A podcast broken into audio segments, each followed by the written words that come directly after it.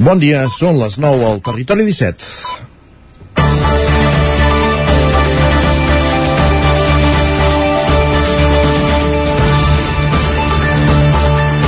El judici contra Roger Aguayo se celebra a partir d'aquest dimecres i dijous a l'Audiència Provincial de Barcelona. Aquest veí d'aquella Atenes està acusat de dos delictes, d'atemptat contra l'autoritat i desordres públics, dues accions que s'haurien comès en el marc de les protestes per l'inici del judici de l'1 d'octubre, el 21 de febrer de 2019. En concret, en el tall que centenars de manifestants van realitzar la confluència entre l'eix transversal i la C-17 a GURB. En aquest cas, la Generalitat no exerceix d'acusació particular, ja que els dos agents dels Mossos d'Esquadra que van denunciar Aguayo han contractat defensa privada que li demana 4 anys de presó i gairebé 10.000 euros de multa i indemnització, mentre que la Fiscalia rebaixa la pena pels fets a un any de presó. El grup de suport Pigot Negre, juntament amb Alerta Solidària, ha organitzat un autocar des de Vic fins a Barcelona per mostrar la solidaritat des de les portes del tribunal. En el judici, Aguayo i el seu advocat, el gorbatà César Lagonigro, defensen l'absolució del jove i faran servir el judici per denunciar una vegada més la falsedat dels atestats dels Mossos d'Esquadra. Pendents del que passi a l'Audiència de Barcelona, comença una nova edició del Territori 17 a la sintonia d'Ona Codinenca, la veu de Sant Joan, Ràdio Cardedeu, Ràdio Vic, el 9 FM i el 9 TV. Territori 17, amb Isaac Moreno i Jordi Sunyer.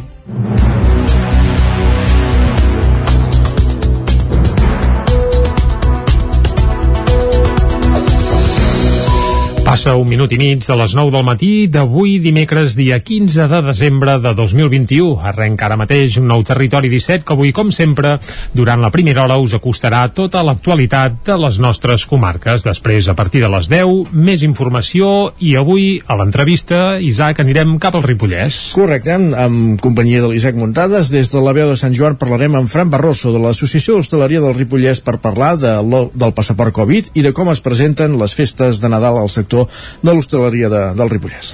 Més endavant anirem a Piulades, com sempre, amb en Guillem Sánchez, passarem per la taula de redacció i una mica abans de les 11, què ens toca avui? Lletra ferits, parlem de llibres, avui des d'Ona Codinenca, en companyia de la Caral Campàs. A les 11 mm, tornarem a actualitzar butlletins informatius i cap un quart aproximat de 12 arribarà el moment avui de parlar d'economia. Amb en Joan Carles Arredondo, el cap d'Economia del 9-9 del Vallès Oriental, parlarem de la mida la mida? Quina mida? De les empreses. Ah, de les empreses, el sí. tamany. Molt bé, fantàstic. Exacte, sí, sí. A dos quarts de dotze anirem a fer un vol en tren. De la importància també, també. De, de tenir empreses grans. Doncs vinga, o de tenir-ne. això amb en Joan Carles, excepcionalment aquesta setmana, en dimecres, Correcte. recordem que, que ahir el vam tenir de vacances, va, per un dia. I a la darrera mitja hora, com sempre, anirem a la R3, a la Trenc d'Alba, i avui, com que és dimecres, acabarem fent un repàs a l'agenda cultural per aquest proper cap de setmana. Correcte. Marcada ja per molts actes nadalencs, eh? Concerts, comença els, maratons, alguns maratons. pastorets, exacte, i actes arreu del territori vinculats amb la Marató de Televisió de Catalunya que es fa, per cert, aquest diumenge.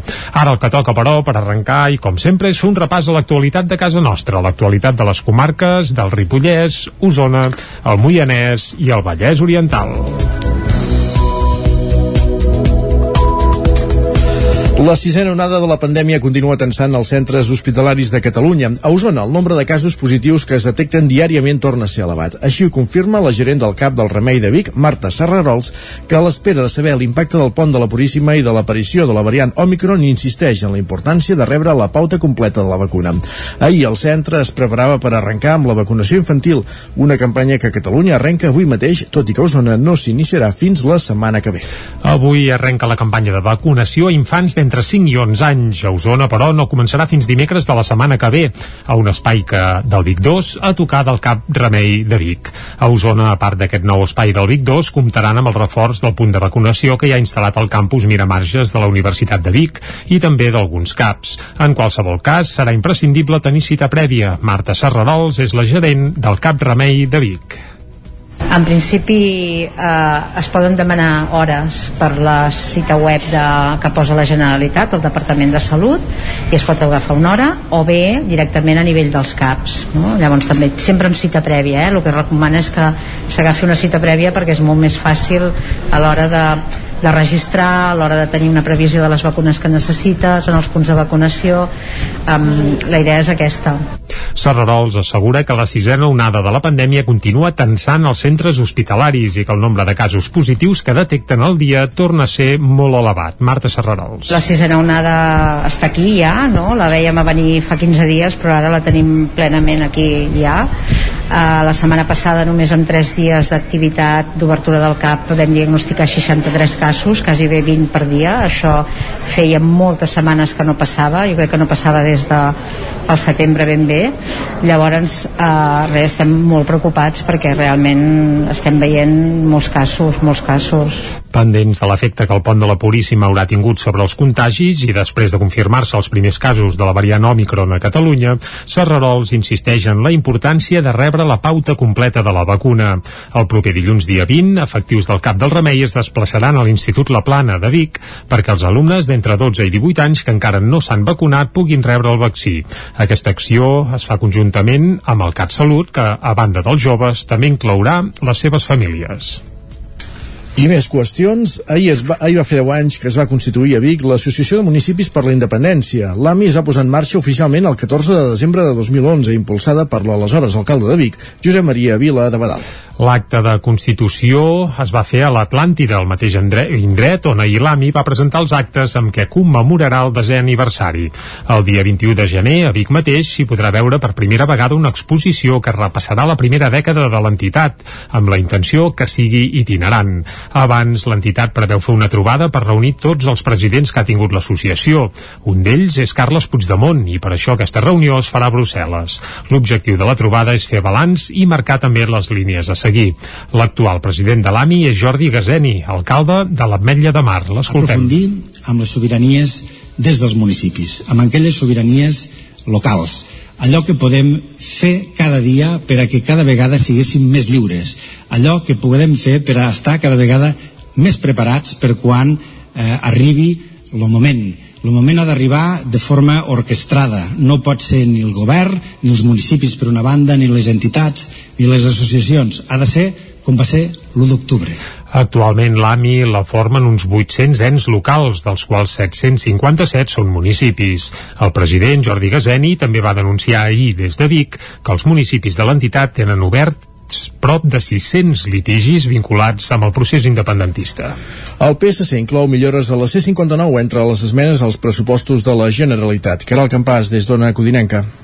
Entre les esmenes als pressupostos de la Generalitat, el Partit Socialista ha inclòs dues peticions relacionades amb la C-59. Una d'elles és la redacció d'un projecte per abordar una reforma del tram entre Mollà i la C-25, tram que passa per l'estany. Jordi Terrades és diputat al Parlament pel PSC també som de l'opinió que des de Mollà fins a l'eix eh, transversal fins a la C25 eh, caldria també actuar i per tant aquí el que inclòs és la redacció eh, per part del govern d'un projecte també en aquesta a partir de Mollà no? fins, al, fins a l'eix transversal i fins L'altra aportació que fan els socialistes relacionada amb la carretera és dotar de finançament al projecte de la variant de Sant Feliu de Codines, un punt molt reivindicat al Moianès en ser un dels llocs més perillosos de la carretera.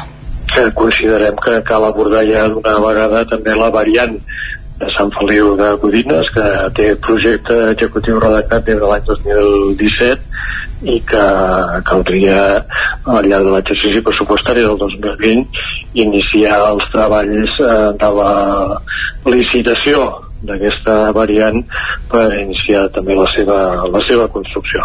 Aquestes demandes arriben quan està en procés un projecte per reparar el ferm i millorar les condicions de la C-59 entre Sant Feliu de Codines i Mollà. Un veí d'Olot vol saber què se'n va fer del rellotge que hi havia al poble de Susqueda? La Guàrdia Civil li va requisar just abans que l'aigua negués al poble. El Bisbat de Vic ho està investigant. Uh, la cosa té gràcia i remunta l'any 1966, abans que el poble de Susqueda quedés cobert per l'aigua de l'embassament. I aleshores un veïdor d'Olot, que era rellotger i treballava al consulat espanyol a Alemanya, va voler visitar l'indret per última vegada. Les teules de les cases ja s'havien retirat i fins i tot s'havien tret la majoria de nínxols del cementiri a l'espera que l'aigua comencés a omplir el pantà. Quan va arribar a l'església, Francesc Coró, que és aquest veí d'Olot, anava acompanyat del seu amic alemany Kurt Benning i va veure que dins dins encara hi havia un sant i també el rellotge del campanar. Ells, com que eren rellotgers, van pensar que l'havien deixat allà i consideraven que era una llàstima que quedés a sota l'aigua. Tots dos van desmuntar la maquinària del rellotge i en van traslladar les peces, que pesaven molt, al maleter d'un Morris, el cotxe amb matrícula alemanya amb el qual havien anat fins a Susqueda. Durant la tornada al cotxe se'ls hi va espatllar i el van deixar a un mecànic de mer amb el rellotge a dins. Al cap d'uns dies van anar a recollir el vehicle ja arreglat i van descarregar el rellotge a la casa de la família Duró a Olot. Al cap d'uns mesos, el veí d'Olot va rebre una trucada a Alemanya d'un familiar que l'informava que la Guàrdia Civil l'havia anat a buscar a casa seva i que se li havien endut el rellotge. Uro ha explicat ara aquesta història a la periodista del Punt Avui, Tura Soler, arran de la publicació del llibre El Pantà Maleït, que fa referència, evidentment, a Susqueda. El cas és que després que Susqueda hagi, Susqueda hagi tornat a l'actualitat, a Uro li ha vingut al cap l'experiència que va viure i li agradaria saber què se'n va fer del rellotge. De fet, des d'Alemanya, Uro ja s'havia posat en contacte amb el llavors cònsul a Stuttgart, Marcelo Fraga i Ribarne, i van decidir enviar una carta al bisbe de Girona explicant els fets. Aquesta carta devia estroncar el procés per robatori, perquè Uro mai va ser requerit per donar comptes de la seva acció. Des del bisbat de Vic han respost a la periodista que estan fent gestions per saber el parador del rellotge, tot i que de moment no se'n sap res. Un altre dels misteris del pantà. Està clar. Uh -huh. Més qüestions. Aquest cap de setmana Centelles ha acollit la desena edició edició de les vesprades de tardor, un, cic, un petit cicle de concerts que se centra sempre en tres gèneres, el jazz, la clàssica i el flamenc. Després que l'edició de l'any passat s'hagués de fer confinada per culpa de la Covid, enguany els concerts van tornar a ser presencials. Divendres va ser el torn del jazz amb un curiós duet format pel violinista Pablo Rodríguez i el pianista Humberto Ríos. Dissabte hi va haver flamenc amb Eduardo Cortés Quinteto i diumenge clàssica amb el pianista Eudal Buc. El cicle que es va fer al casal Francesc Macià de Centelles arribava enguany a la desena edició. Jordi Sala és el director artístic i organitzador de les vesprades de tardor. Fa 10 anys que vam començar amb aquest projecte i senzillament doncs, eh, el que hem mantingut és la filosofia de fer tres concerts de jazz, clàssica i flamenc i aquest any no s'ha fet el concert dels joves intèrprets perquè amb el concert de, de clàssica es cobriria els joves intèrprets i és que el concert de clàssica, que es va fer diumenge, va anar a càrrec d'Eudal Buc, que ja havia participat a les vesprades l'any 2012, quan encara no era professional. A l'hora de fer balanç d'aquesta edició, des de l'organització remarcaven l'alt nivell dels artistes i la satisfacció del públic. Un públic, això sí, més escàs del previst per culpa de la pandèmia. Jordi Sala. Ara tornem a estar en una situació complicada, per això el tema públic és, és tan difícil, però bé, eh, la qüestió és que s'ha d'apostar per la cultura, l'Ajuntament ho té clar i, i les vesprades evidentment eh, ja formen part una mica del programari. I hi ha molta gent doncs, que desitjava que tornessin. El que passa que està clar que no tornem en el millor moment. Eh, la, la pandèmia tothom es pensava que ja l'hauríem superat i encara potser queda una mica. Clàssica, clàssica, jazz i flamenc són els tres eixos de les vesprades de tardor de Centelles que l'any vinent tornaran tant de bo que sense l'ombra amenaçadora de la Covid. Torna Objectiu Paqui, el talent show musical de Ràdio Televisió de Cardedeu. Des d'avui fins al 31 de desembre ja es poden presentar els vídeos pel càsting inicial del programa. Núria Lázaro, des de Ràdio Televisió de Cardedeu. Objectiu Paqui, el talent show musical del casal de joves La Paqui, Ràdio Televisió Cardedeu, torna amb una segona edició. Des d'avui fins al 31 de desembre, aquelles joves d'entre 13 i 20 anys poden presentar-se al càsting d'Objectiu Paqui. Per fer-ho s'ha d'enviar un vídeo en format horitzontal amb una una petita presentació i cantant la cançó escollida per a aquesta primera fase. Els vídeos s'han de penjar a la web de Ràdio Televisió de Cardedeu o p.rtbc.cat i a la web s'ha d'omplir un formulari amb el nom, data de naixement, correu electrònic i número de telèfon. En aquesta primera fase, a partir de l'1 de gener, votarà el públic a través de les xarxes socials a arroba objectiu paqui i d'aquí sortiran 30 noms que presencialment passaran un càsting a Cardedeu. Els 10 escollits entraran dins el talent show musical Objectiu Paqui en una primera gala el proper 19 de febrer. Esports. I a la pàgina esportiva El tècnic ripollès Albert Roder perd la seva primera final amb la Lliga Deportiva Alajuelense de Costa Rica, tot i millorar l'equip en tots els aspectes. Isaac Muntades, des de la veu de Sant Joan. El tècnic ripollès de la Liga Deportiva Alajuelense de la primera divisió de la Lliga de Costa Rica, Albert Roder, va perdre la seva primera final aquest dilluns a la matinada com a entrenador principal en el torneig Apertura del campionat costarriqueny. La Liga Deportiva no va passar de l'empat a 0 en el partit de tornada a casa contra el Deportivo Saprissa, que va fer valer el 2 a 1 de l'anada amb gols de Cristian Bolaños i Jimmy Toni Marín pels locals i Gabriel Torres pels visitants, que es van veure condicionats per l'expulsió de Bernal Alfaro. A l'eliminatòria de semifinals, la Liga sí que va ser capaç de remuntar un 3 a 2 en contra al camp dels Santos Guapiles, vencent 1 a 0 a la tornada. Els aficionats han estat molt durs amb Roder i n'hi ha molts que demanaven la seva destitució, sobretot elegant que és un tècnic novell que estrenava la seva trajectòria en solitari al capdavant de la banqueta en un equip professional. Roder resumia així el perquè de l'empat a 0 i la derrota en el global de la final. Lo que ha pasado es que no hemos podido conseguir el gol. Hemos tenido ocasiones de todos los gustos y colores, de todas formas. He perdido la cuenta de cuántas hemos tenido y no ha llegado. Eso es, sería el resumen. Desde que llegamos aquí teníamos muy claro lo que queríamos, teníamos muy claro lo que se nos iba a exigir, lo asumimos. Hemos trabajado desde que llegamos a muerte para poder conseguirlo. Esta serie sabíamos que sería muy difícil. Se nos puso cuesta arriba con la expulsión y estuvimos 45 minutos tratando de dejarla abierta para venir aquí y hacer lo que hemos hecho hoy, que es salir a presionar, encerrar al rival, dominarlo, ser mejores y merecer pasar. Pero no ha llegado el gol. De fet, la Liga Deportiva fins i tot va fallar un penal en un partit en què va haver-hi una invasió de camp amb incidents lamentables que van posar en risc la integritat de les famílies dels jugadors locals. Roder va dir que les responsabilitats de la derrota són compartides, però que ell n'assumia la major part. Això sí, va destacar el bon joc de l'equip, a qui només li va faltar el gol. Tanmateix, l'arribada de Roder ha estat clau perquè l'equip arribés a la final. De fet, els resultats i el joc han millorat substancialment des que va ocupar la banqueta de l'equip costarriqueny. Quan va arribar a la Liga Deportiva la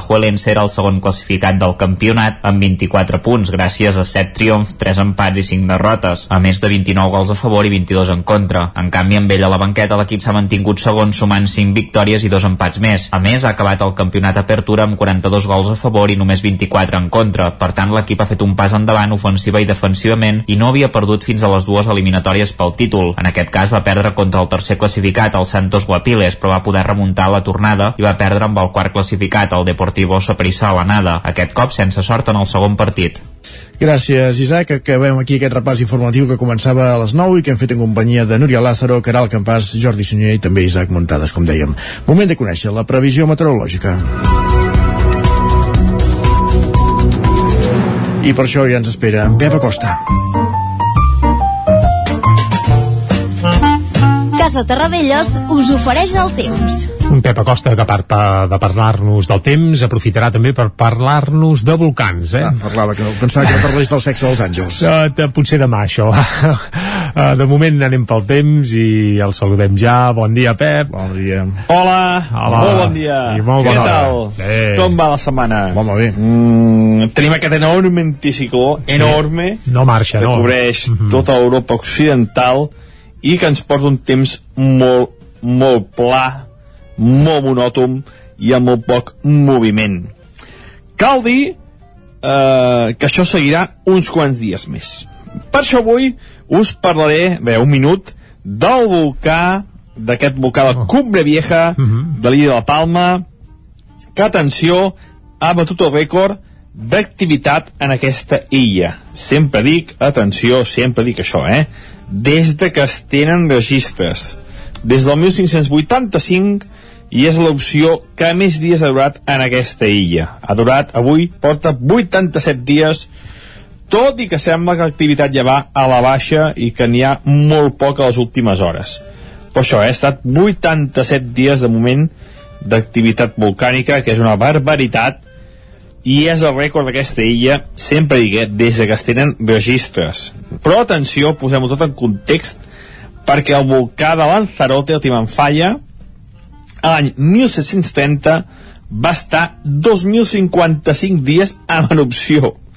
Vull dir, imagineu si pot estar un volcà amb dies en erupció, tot i que sembla, tot i que sembla això, eh, que el Cume Vieja ja està a punt de parar la seva activitat, tot sembla indicar que ja va a la baixa. Uh, però vull dir, imagineu, eh, si podia estar dies i dies expulsant lava i uh, amb, amb la seva activitat uh, volcànica aquest volcà. I l'anticicló que tenim ara, també sense cap mena de dubtes, ha durat molts més dies en el passat i poder en el futur també durarà més dies, però és que el tenim molt ben situat, si està molt bé aquí a Europa, eh, és, és un clàssic de cada hivern i és el que tenim, el tenim aquí eh, ben bé a sobre, ens aporta molta estabilitat, molt bon temps, les perturbacions molt lluny de nosaltres i tenim les nits fredes a les valls, nits més suaus a alta muntanya i de dia molta suavitat, molt de sol i només alguna boira. Molt poques novetats. Les mínimes entre els 5, 6, 7 graus a moltes poblacions, només glaçades a les zones més fondes, les fondalades a les comarques, i de dia les màximes entre els 10 i 16, 17 graus. S'enfilen, ells van enfilar fins als 20 graus a Planós, per tant temperatura molt molt suau a muntanya, a zones amb boira, temperatures una mica més baixes, ja que les boires comencen a ser més persistents, més intenses i més extenses. I això és tot, a disfrutar del dia d'avui i a disfrutar d'aquest anticicló que tenim per dies i dies a sobre nostra. Mm -hmm. Moltes gràcies. A tu. Adéu, bon dia. Vinga, que vagi bé, Pep. Uh, dies d'anticicló encara, Isaac, eh? Serà qüestió de posar-hi paciència. I aguantar la boira. I el fred. Va, al matí. Vinga. Anem, pels, anem pels diaris. Exacte, anem-hi. Casa Tarradellas us ha ofert aquest espai. Moment, com dèiem, d'entrar al quiosc.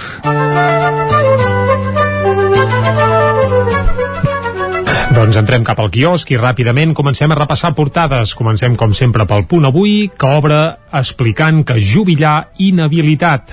Pau Jubillar, regidor de la CUP per Lleida, que va treure uns llaços grocs. Ara és diputat al Parlament, de Sí, uh, exacte, ara és diputat al Parlament, però diguem, recordem que va ser escollit per la demarcació de Lleida i és per això que quan era regidor a l'Ajuntament de Lleida havia tret uns llaços grocs i per això el volen inhabilitar.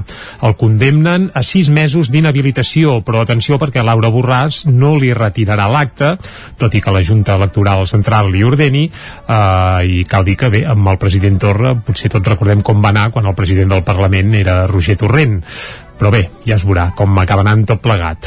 A més, la fotografia apareix, curiosament, Laura Borràs al costat de Pere Aragonès i al costat també de Sergi Balbel, que ahir va rebre el Premi Sant Jordi en el marc de la nit de Santa Llúcia. Un, al- un altre dels titulars que apareix al punt avui és que Esquerra Republicana i el govern espanyol acosten posicions en la llei de l'audiovisual. Això apunten des del punt avui. Anem cap a l'ara. Uh, la llum bat un nou rècord i complica la recuperació. El govern espanyol no se'n surt amb el preu de l'electricitat que fa tres mesos que està disparat. La fotografia per la Rambla de Barcelona, que començarà a canviar el 2022. I la fotografia que apareix a l'ara no és una fotografia, sinó que és una recreació de com quedarà aquesta Rambla on sembla que guanya pes l'espai per a vianants i en perd eh, l'espai per cotxes. També amb un raconet, Sergi Balbel s'estrena amb una novel·la que guanya el Sant Jordi. Més portades, anem cap al periòdico. Jaume Plensa, català de l'any. Recordem que això del català de l'any qui ho organitza és el periòdico, per això altres portades no apareix i el periòdico sí. I es veu Pere Aragonès aplaudint a Jaume Plensa, que és aquest escultor barceloní, segurament un dels artistes més internacionals que tenim ara mateix i que ahir va rebre el premi aquest català de l'any, que per cert feia dos anys que per culpa de la Covid no s'entregava. A l'avantguàrdia, el govern central prepara més ajuts fiscals per pal·liar l'alça imparable de la llum. Les mesures entrarien en vigor el 2022, mentre la tarifa elèctrica continua desbocada, diuen a l'avantguàrdia, i avui bat un nou rècord històric. És a dir, que a part del rècord del volcà de la Palma que ens comentava el Pep Acosta, tenim un altre rècord de longetivitat i de llargària, que és el del preu de la llum. Uh, la fotografia, un pistoler sembra el pànic a Tarragona.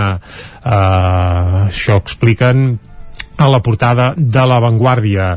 I també a Calviño espera que els fons europeus siguin un xoc positiu per a l'economia. Anem cap a les portades que s'editen des de Madrid i comencem, com fem sovint pel país.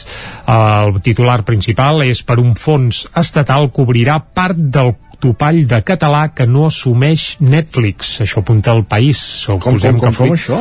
Uh, sí, és, és, fa, fa de mal entendre. Eh? Ja, el subtítol diu que el govern i Esquerra Republicana encarrilen els pressupostos de l'Estat després d'acostar posicions sobre la llei de la visual, de l'audiovisual, volem dir. Es veu, es veu que crearien un fons estatal un fons amb diners, que cobriria el topall de català que no assumeixi Netflix. Caram. Com que en teoria el govern espanyol diu que no pot obligar a Netflix a, bé, a, a, a, sí. a que a posi tant per cent de català doncs això, és, és ben curiós. Molt bé, més qüestions. Més qüestions. El Kun Agüero forçat a deixar el futbol per problemes cardíacs i es veu que segurament avui hi haurà una roda de premsa a Can Barça on el Kun anunciarà doncs, que deixa el futbol el seu últim gol haurà set contra el Madrid. Sempre ens vam quedar amb aquest record eh, i sap greu evidentment però sembla que avui mateix anunciarà això, eh, la seva decisió de, de deixar el futbol.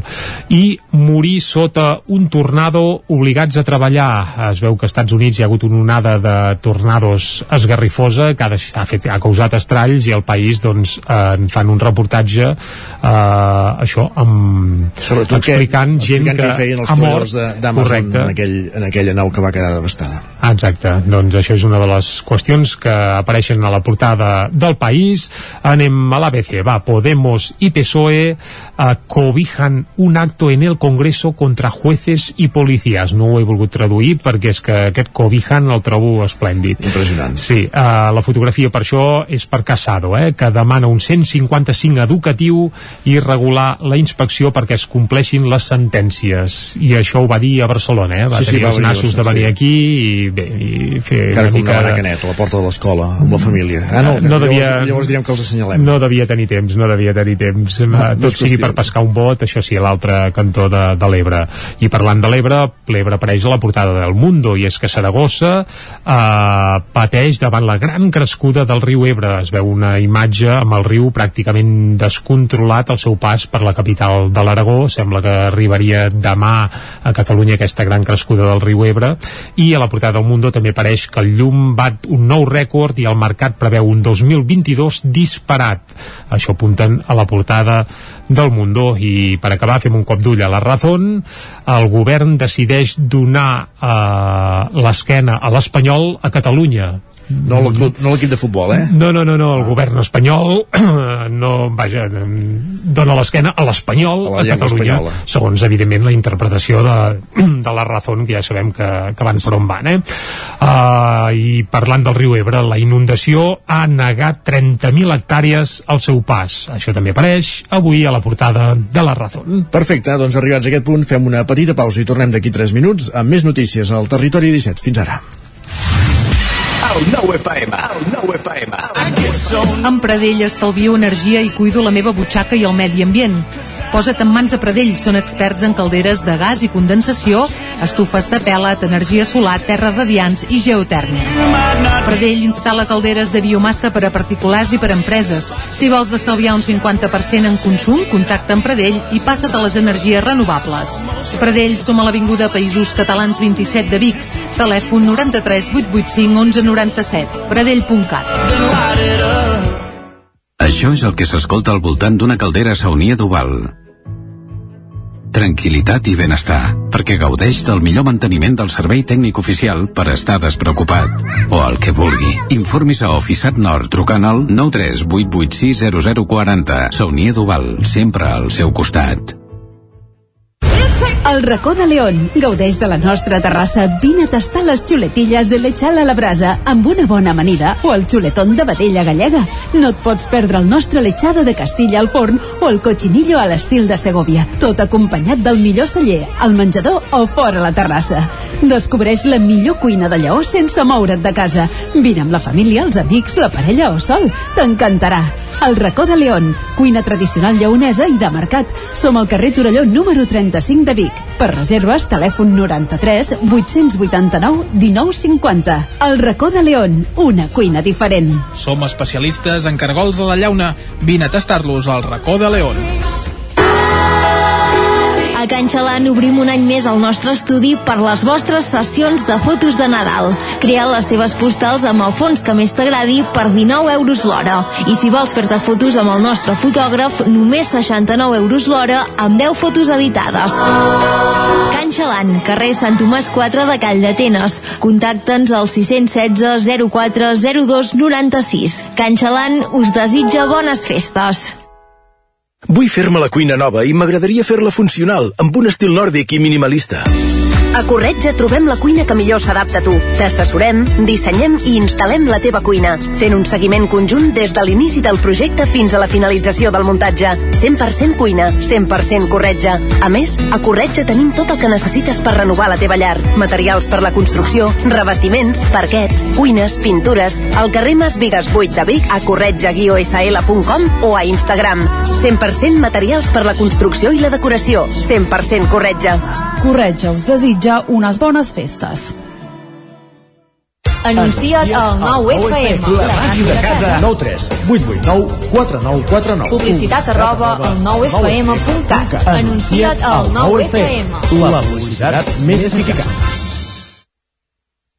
En punt, dos quarts de deu, al territori 17. Territori 17, amb Isaac Moreno i Jordi Sunyer.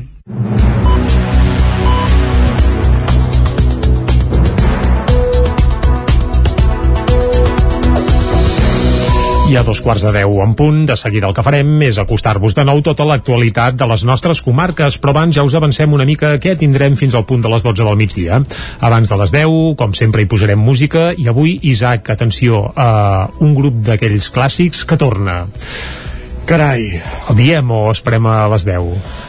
Podem esperar a les 10. És un grup Sí? berguedà que va ser usonenc, no? Bé, encara és mig usonenc, encara, eh? Diria el 80% dels músics són usonencs, el seu cantant és Berguedà, tot i que ara mateix Viu a l'Alt Empordà. A. Portbou, és a dir que... Bé, Ja dit tot, de fet, de no? Berguedà gairebé només queda, diria que el teclista, i encara. Bueno, però de fet d'esperit s'hi sent. Ah, no, sí, sí, sí. Va, no diem res més, però suposem que la Ja- gent que ja ens escolta dit. des de casa potser ja sap eh, mm, què escoltarem. Però vaja, ho descobrirem i també descobrirem el per què, que això és el, el més important. A les 10 més informació i després arribarà el moment de l'entrevista, avui cap al Ripollès, oi? Correcte. Anirem a la veu de Sant Joan amb l'Isaac Muntades per parlar amb Fran Barroso de l'Associació d'Hostaleria del Ripollès. Parlarem amb ells del passaport Covid i també de com es presenten les festes de Nadal al sector de l'hostaleria. Molt bé, a dos quarts d'onze, en Guillem Sánchez ens acostarà a piulades, passarem per la taula de redacció i avui, com que és dimecres, ens toca parlar de literatura. Correcte, el Lladre Ferits, avui des de Ona Codinenca amb la Caral Campàs. A partir de les 11, més informació i economia. Avui parlarem de la mida de les empreses, la importància de tenir empreses grans que falten al Principat. Ens ho explicarà Joan Carles Arredondo, el cap d'Economia del 9-9 del Vallès Oriental. I a la part final del programa serà el moment d'anar a la R3, com cada dia, a la Trenc d'Alba, i avui acabarem repassant l'agenda d'actes culturals, de teatres i auditoris per aquest proper cap de setmana, marcada ja per concerts de Nadal, pastorets... Eh, és el que toca per aquestes dates. Correcte. I això ho farem a la part final d'un programa que ara segueix acostant-vos, com sempre, a l'actualitat de casa nostra, l'actualitat de casa vostra, l'actualitat de les comarques del Ripollès, Osona, el Moianès i el Vallès Oriental. La sisena onada de la pandèmia continua tensant els centres hospitalaris de Catalunya. A Osona, el nombre de casos positius que es detecten diàriament torna a ser elevat. Així ho confirma la gerent del CAP del Remei de Vic, Marta Serrarols, que a l'espera de saber l'impacte del pont de la Puríssima i de l'aparició de la variant Omicron insisteix en la importància de rebre la pauta completa de la vacuna.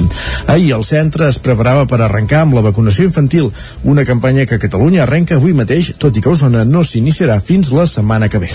Avui arrenca la campanya de vacunació a infants d'entre 5 i 11 anys. A Osona, però, no començarà fins dimecres de la setmana que ve, a un espai que del Vic 2 a tocar del Cap Remei de Vic. A Osona, a part d'aquest nou espai del Vic 2, comptaran amb el reforç del punt de vacunació que hi ha instal·lat al campus Miramarges de la Universitat de Vic i també d'alguns CAPs. En qualsevol cas, serà imprescindible tenir cita prèvia. Marta Serrarols és la gerent del Cap Remei de Vic. En principi eh, es poden demanar hores per la cita web de, que posa la Generalitat, el Departament de Salut, i es pot agafar una hora, o bé directament a nivell dels CAPs. No? Llavors també sempre amb cita prèvia, eh? el que recomana és que s'agafi una cita prèvia perquè és molt més fàcil a l'hora de, de registrar, a l'hora de tenir una previsió de les vacunes que necessites, en els punts de vacunació. Um, la idea és aquesta. Serrarols assegura que la sisena onada de la pandèmia continua tensant els centres hospitalaris i que el nombre de casos positius que detecten al dia torna a ser molt elevat. Marta Serrarols. La sisena onada està aquí ja, no? La veiem a venir fa 15 dies, però ara la tenim plenament aquí ja. Uh, la setmana passada, només amb 3 dies d'activitat d'obertura del CAP, vam diagnosticar 63 casos, quasi bé 20 per dia. Això feia moltes setmanes que no passava, jo crec que no passava des de el setembre ben bé. Llavors, uh, res, estem molt preocupats perquè realment estem veient molts casos, molts casos. Pendents de l'efecte que el pont de la Puríssima haurà tingut sobre els contagis i després de confirmar-se els primers casos de la variant Omicron a Catalunya, Serrarols insisteix en la importància de rebre la pauta completa de la vacuna. El proper dilluns dia 20, efectius del Cap del Remei es desplaçaran a l'Institut La Plana de Vic perquè els alumnes d'entre 12 i 18 anys que encara no s'han vacunat puguin rebre el vaccí. Aquesta acció es fa conjuntament amb el CatSalut, que, a banda dels joves, també inclourà les seves famílies. I més qüestions. Ahir, es va, ahir va fer 10 anys que es va constituir a Vic l'Associació de Municipis per la Independència. L'AMI es va posar en marxa oficialment el 14 de desembre de 2011, impulsada per l'aleshores alcalde de Vic, Josep Maria Vila de Badal. L'acte de constitució es va fer a l'Atlàntida, el mateix indret on ahir l'AMI va presentar els actes amb què commemorarà el desè aniversari. El dia 21 de gener, a Vic mateix, s'hi podrà veure per primera vegada una exposició que repassarà la primera dècada de l'entitat, amb la intenció que sigui itinerant. Abans, l'entitat preveu fer una trobada per reunir tots els presidents que ha tingut l'associació. Un d'ells és Carles Puigdemont i per això aquesta reunió es farà a Brussel·les. L'objectiu de la trobada és fer balanç i marcar també les línies a seguir. L'actual president de l'AMI és Jordi Gazeni, alcalde de l'Ametlla de Mar. L'escoltem. Aprofundir amb les sobiranies des dels municipis, amb aquelles sobiranies locals allò que podem fer cada dia per a que cada vegada siguéssim més lliures, allò que podem fer per a estar cada vegada més preparats per quan eh, arribi el moment. El moment ha d'arribar de forma orquestrada. No pot ser ni el govern, ni els municipis per una banda, ni les entitats, ni les associacions. Ha de ser com va ser l'1 d'octubre. Actualment l'AMI la formen uns 800 ens locals, dels quals 757 són municipis. El president Jordi Gazeni també va denunciar ahir des de Vic que els municipis de l'entitat tenen obert prop de 600 litigis vinculats amb el procés independentista. El PSC inclou millores a la C-59 entre les esmenes als pressupostos de la Generalitat. Que era el campàs des d'Ona Codinenca. Entre les esmenes als pressupostos de la Generalitat, el Partit Socialista ha inclòs dues peticions relacionades amb la C-59. Una d'elles és la redacció d'un projecte per abordar una reforma del tram entre Mollà i la C-25, tram que passa per l'estany. Jordi Terrades és diputat al Parlament pel PSC també som de l'opinió que des de Mollà fins a l'eix eh, transversal fins a la C25 eh, caldria també actuar i per tant aquí el que inclòs és la redacció eh, per part del govern d'un projecte també en aquesta eh, a partir de Mollà no? fins, al, fins a l'eix transversal i fins L'altra aportació que fan els socialistes relacionada amb la carretera és dotar de finançament al projecte de la variant de Sant Feliu de Codines, un punt molt reivindicat al Moianès en ser un dels llocs més perillosos de la carretera. Considerem que cal abordar ja d'una vegada també la variant de Sant Feliu de Codines que té projecte executiu redactat des de l'any 2017 i que caldria al llarg de l'exercici pressupostari del 2020 iniciar els treballs eh, de la licitació d'aquesta variant per iniciar també la seva, la seva construcció. Aquestes demandes arriben quan està en procés un projecte per reparar el ferm i millorar les condicions de la C-59 entre Sant Feliu de Codines i Mollà. Un veí d'Olot vol saber què se'n va fer del rellotge que hi havia al poble de Susqueda? La Guàrdia Civil li va requisar just abans que l'aigua negués al poble. El Bisbat de Vic ho està investigant. Uh, la cosa té gràcia i remunta l'any 1966, abans que el poble de Susqueda quedés cobert per l'aigua de l'embassament. I aleshores un veïdor d'Olot, que era rellotger i treballava al consulat espanyol a Alemanya, va voler visitar l'indret per última vegada. Les teules de les cases ja s'havien retirat i fins i tot s'havien tret la majoria de nínxols del cementiri a l'espera que l'aigua comencés a omplir el pantà. Quan va arribar a l'església, Francesc Coró, que és aquest veí d'Olot, anava acompanyat del seu amic alemany Kurt Benning i va veure que dins dins encara hi havia un sant i també el rellotge del campanar. Ells, com que eren rellotgers, van pensar que l'havien deixat allà i consideraven que era una llàstima que quedés a sota l'aigua. Tots dos van desmuntar la maquinària del rellotge i en van traslladar les peces, que pesaven molt, al maleter d'un Morris, el cotxe amb matrícula alemanya amb el qual havien anat fins a Susqueda. Durant la tornada al cotxe se'ls hi va espatllar i el van deixar a un mecànic de mer amb el rellotge a dins. Al cap d'uns dies van anar a recollir el vehicle ja arreglat i van descarregar el rellotge a la casa de la família Duró a Olot. Al cap d'uns mesos, el veí d'Olot va rebre una trucada a Alemanya d'un familiar que l'informava que la Guàrdia Civil l'havia anat a buscar a casa seva i que se li havien endut el rellotge. Uro ha explicat ara aquesta història a la periodista del Punt Avui, Tura Soler, arran de la publicació del llibre El Pantà Maleït, que fa referència, evidentment, a Susqueda. El cas és que després que Susqueda hagi, Susqueda hagi tornat a l'actualitat, a Uro li ha vingut al cap l'experiència que va viure i li agradaria saber què se'n va fer del rellotge. De fet, des d'Alemanya, Uro ja s'havia posat en contacte amb el llavors cònsul a Stuttgart, Marcelo Fraga i Dibarne, i van decidir enviar una carta al bisbe de Girona explicant els fets. Aquesta carta devia estroncar el procés per robatori, perquè Uro mai va ser requerit per donar comptes de la seva acció. Des del bisbat de Vic han respost a la periodista que estan fent gestions per saber el parador del rellotge, tot i que de moment no se'n sap res. Un altre dels misteris del pantà. Està clar. Més qüestions. Aquest cap de setmana Centelles ha acollit la desena edició de les vesprades de tardor, un, cic, un petit cicle de concerts que se centra sempre en tres gèneres, el jazz, la clàssica i el flamenc. Després que l'edició de l'any passat s'hagués de fer confinada per culpa de la Covid, enguany els concerts van tornar a ser presencials. Divendres va ser el torn del jazz amb un curiós duet format pel violinista Pablo Rodríguez i el pianista Humberto Ríos. Dissabte hi va haver flamenc amb Eduardo Cortés Quinteto i diumenge clàssica amb el pianista Eudal Buc. El cicle que es va fer al casal Francesc Macià de Centelles arribava enguany a la desena edició.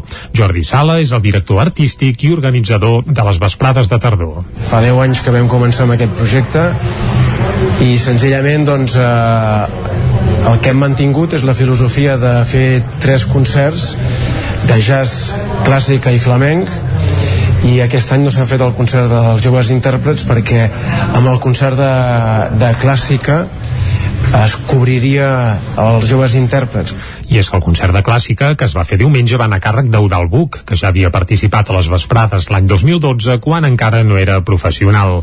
A l'hora de fer balanç d'aquesta edició, des de l'organització remarcaven l'alt nivell dels artistes i la satisfacció del públic. Un públic, això sí, més escàs del previst per culpa de la pandèmia. Jordi Sala. Ara es tornem a estar en una situació complicada, per això el tema públic és, és tan difícil, però bé, eh, la qüestió és que s'ha d'apostar per la cultura, l'Ajuntament ho té clar i, i les vesprades evidentment eh, ja formen part una mica del programari. I hi ha molta gent doncs, que desitjava que tornessin. El que passa que està clar que no tornem en el millor moment. La, la pandèmia tothom es pensava que ja l'hauríem superat i encara potser queda una mica. Clàssica, clàssica, jazz i flamenc són els tres eixos de les vesprades de tardor de Centelles que l'any vinent tornaran tant de bo que sense l'ombra amenaçadora de la Covid. Torna Objectiu PAC i el talent show musical de Ràdio Televisió de Cardedeu. Des d'avui fins al 31 de desembre ja es poden presentar els vídeos pel càsting inicial del programa. Núria Lázaro, des de Ràdio Televisió de Cardedeu. Objectiu PAC i el talent show musical del casal de joves La PAC i Ràdio Televisió Cardedeu torna amb una segona edició. Des d'avui fins al 31 de desembre aquelles joves d'entre 13 i 20 anys poden presentar-se al càsting d'Objectiu PAC i per fer-ho s'ha d'enviar un vídeo en format horitzontal amb una una petita presentació i cantant la cançó escollida per a aquesta primera fase. Els vídeos s'han de penjar a la web de Ràdio Televisió de Cardedeu op.rtbc.cat i a la web s'ha d'omplir un formulari amb el nom, data de naixement, correu electrònic i número de telèfon. En aquesta primera fase, a partir de l'1 de gener, votarà el públic a través de les xarxes socials a arroba objectiu paqui i d'aquí sortiran 30 noms que presencialment passaran un càsting a Cardedeu. Els 10 escollits entraran dins el talent show musical Objectiu Paqui en una primera gala el proper 19 de febrer. Esports. I a la pàgina esportiva El tècnic ripollès Albert Roder perd la seva primera final amb la Lliga Deportiva Alajuelense de Costa Rica, tot i millorar l'equip en tots els aspectes. Isaac Muntades, des de la veu de Sant Joan. El tècnic ripollès de la Liga Deportiva Alajuelense de la primera divisió de la Lliga de Costa Rica, Albert Roder, va perdre la seva primera final aquest dilluns a la matinada com a entrenador principal en el torneig Apertura del campionat costarriqueny. La Liga Deportiva no va passar de l'empat a 0 en el partit de tornada a casa contra el Deportivo Saprissa, que va fer valer el 2 a 1 de l'anada amb gols de Cristian Bolaños i Jimmy Jimmy Marín pels locals i Gabriel Torres pels visitants, que es van veure condicionats per l'expulsió de Bernal Alfaro. A l'eliminatòria de semifinals, la Liga sí que va ser capaç de remuntar un 3 a 2 en contra al camp dels Santos Guapiles, vencent 1 a 0 a la tornada. Els aficionats han estat molt durs amb Roder i n'hi ha molts que demanaven la seva destitució, sobretot elegant que és un tècnic novell que estrenava la seva trajectòria en solitari al capdavant de la banqueta en un equip professional. Roder resumia així el perquè de l'empat a 0 i la derrota en el global de la final. Lo que ha pasado es que no hemos podido conseguir el gol. Hemos Hemos tenido ocasiones de todos los gustos y colores, de todas formas. He perdido la cuenta de cuántas hemos tenido y no ha llegado. Eso es- sería el resumen. Desde que llegamos aquí teníamos muy claro lo que queríamos, teníamos muy claro lo que se nos iba a exigir, lo asumimos. Hemos trabajado desde que llegamos a muerte para poder conseguirlo. Esta serie sabíamos que sería muy difícil. Se nos puso cuesta arriba con la expulsión y estuvimos 45 minutos tratando de dejarla abierta para venir aquí y hacer lo que hemos hecho hoy, que es salir a presionar, encerrar al rival, dominarlo, ser mejores y merecer pasar. Pero no ha llegado el gol. De fet, la Liga Deportiva fins i tot va fallar un penal en un partit en què va haver-hi una invasió de camp amb incidents lamentables que van posar en risc la integritat de les famílies dels jugadors locals. Roder va dir que les responsabilitats de la derrota són compartides, però que ell n'assumia la major part. Això sí, va destacar el bon joc de l'equip, a qui només li va faltar el gol. Tanmateix, l'arribada de Roder ha estat clau perquè l'equip arribés a la final. De fet, els resultats i el joc han millorat substancialment des que va ocupar la banqueta de l'equip costarriqueny. Quan va arribar a la Liga Deportiva Alajuelense era el segon classificat del campionat amb 24 punts, gràcies a 7 triomfs, 3 empats i 5 derrotes, a més de 29 gols a favor i 22 en contra. En canvi, amb ell a la banqueta, l'equip s'ha mantingut segon sumant 5 victòries i 2 empats més. A més, ha acabat el campionat Apertura amb 42 gols a favor i només 24 en contra. Per tant, l'equip ha fet un pas endavant ofensiva i defensivament i no havia perdut fins a les dues eliminatòries pel títol. En aquest cas va perdre contra el tercer classificat, el Santos Guapiles, però va poder remuntar la tornada i va perdre amb el quart classificat, el Deportivo Saprissa a l'anada. Aquest cop sense sort en el segon partit. Gràcies, Isaac. Acabem aquí aquest repàs informatiu que començava a les 9 i que hem fet en companyia de Núria Lázaro, Caral Campàs, Jordi Sunyer i també Isaac Montades, com dèiem. Moment de conèixer la previsió meteorològica. I per això ja ens espera Pep Acosta. Casa Terradellos us ofereix el temps. Un Pep Acosta que a part pa- de parlar-nos del temps aprofitarà també per parlar-nos de volcans, eh? Ah, parlava que no, pensava que no parlés del sexe dels àngels. Uh, de, potser demà, això. Uh, de moment anem pel temps i el saludem ja. Bon dia, Pep. Bon dia. Hola, Hola. molt bon dia. I molt Què tal? Bé. Com va la setmana? Va molt bé. Mm, tenim aquest enorme anticicló, enorme, No marxa, que no. cobreix tota Europa occidental i que ens porta un temps molt, molt pla, molt monòton i amb molt poc moviment. Cal dir eh, que això seguirà uns quants dies més. Per això avui us parlaré, bé, un minut, del volcà, d'aquest volcà de Cumbre Vieja, de l'illa de la Palma, que, atenció, ha batut el rècord d'activitat en aquesta illa. Sempre dic, atenció, sempre dic això, eh? Des de que es tenen registres. Des del 1585 i és l'opció que més dies ha durat en aquesta illa. Ha durat, avui, porta 87 dies, tot i que sembla que l'activitat ja va a la baixa i que n'hi ha molt poc a les últimes hores. Per això, eh, ha estat 87 dies de moment d'activitat volcànica, que és una barbaritat, i és el rècord d'aquesta illa, sempre digué, des de que es tenen registres. Però atenció, posem-ho tot en context, perquè el volcà de Lanzarote, el Timanfaya, a l'any 1730 va estar 2.055 dies en erupció. Vull dir, imagineu si pot estar un volcà amb dies en erupció, tot i que sembla, que sembla això, eh, que el Cumbre Vieja ja està a punt de parar la seva activitat, tot sembla indicar que ja va a la baixa. Uh, però vull dir, imagineu, eh, si podia estar dies i dies expulsant lava i uh, amb, amb la seva activitat uh, volcànica aquest volcà. I l'anticicló que tenim ara, també sense cap mena de dubtes, ha durat molts més dies en el passat i poder en el futur també durarà més dies, però és que el tenim molt ben situat, si està molt bé aquí a Europa, eh, és, és un clàssic de cada hivern i és el que tenim, el tenim aquí eh, ben bé a sobre, ens aporta molta estabilitat, molt bon temps, les perturbacions molt lluny de nosaltres i tenim les nits fredes a les valls, nits més suaus a alta muntanya i de dia molta suavitat, molt de sol i només alguna boira. Molt poques novetats. Les mínimes entre els 5, 6, 7 graus a moltes poblacions, només glaçades a les zones més fondes, les fondalades a les comarques, i de dia les màximes entre els 10 i 16, 17 graus. S'enfilen, ells van enfilar fins als 20 graus a Planoles per una temperatura molt, molt suau a muntanya, a les zones amb boira, temperatures una mica més baixes, ja que les boires comencen a ser més persistents, més intenses i més extenses. I això és tot, a disfrutar del dia d'avui i a disfrutar d'aquest anticicló que tenim per dies i dies a sobre nostra. Mm -hmm. Moltes gràcies. A tu. Adéu, bon dia. Vinga, que vagi bé, Pep. Uh, dies d'anticicló encara, Isaac, eh? Serà qüestió de posar-hi paciència. I aguantar la boira. I el fred. Va, al matí. Vinga. Anem, pels, anem pels diaris. Exacte, anem-hi. Casa Tarradellas us ha ofert aquest espai. Moment, com dèiem, d'entrar al quiosc.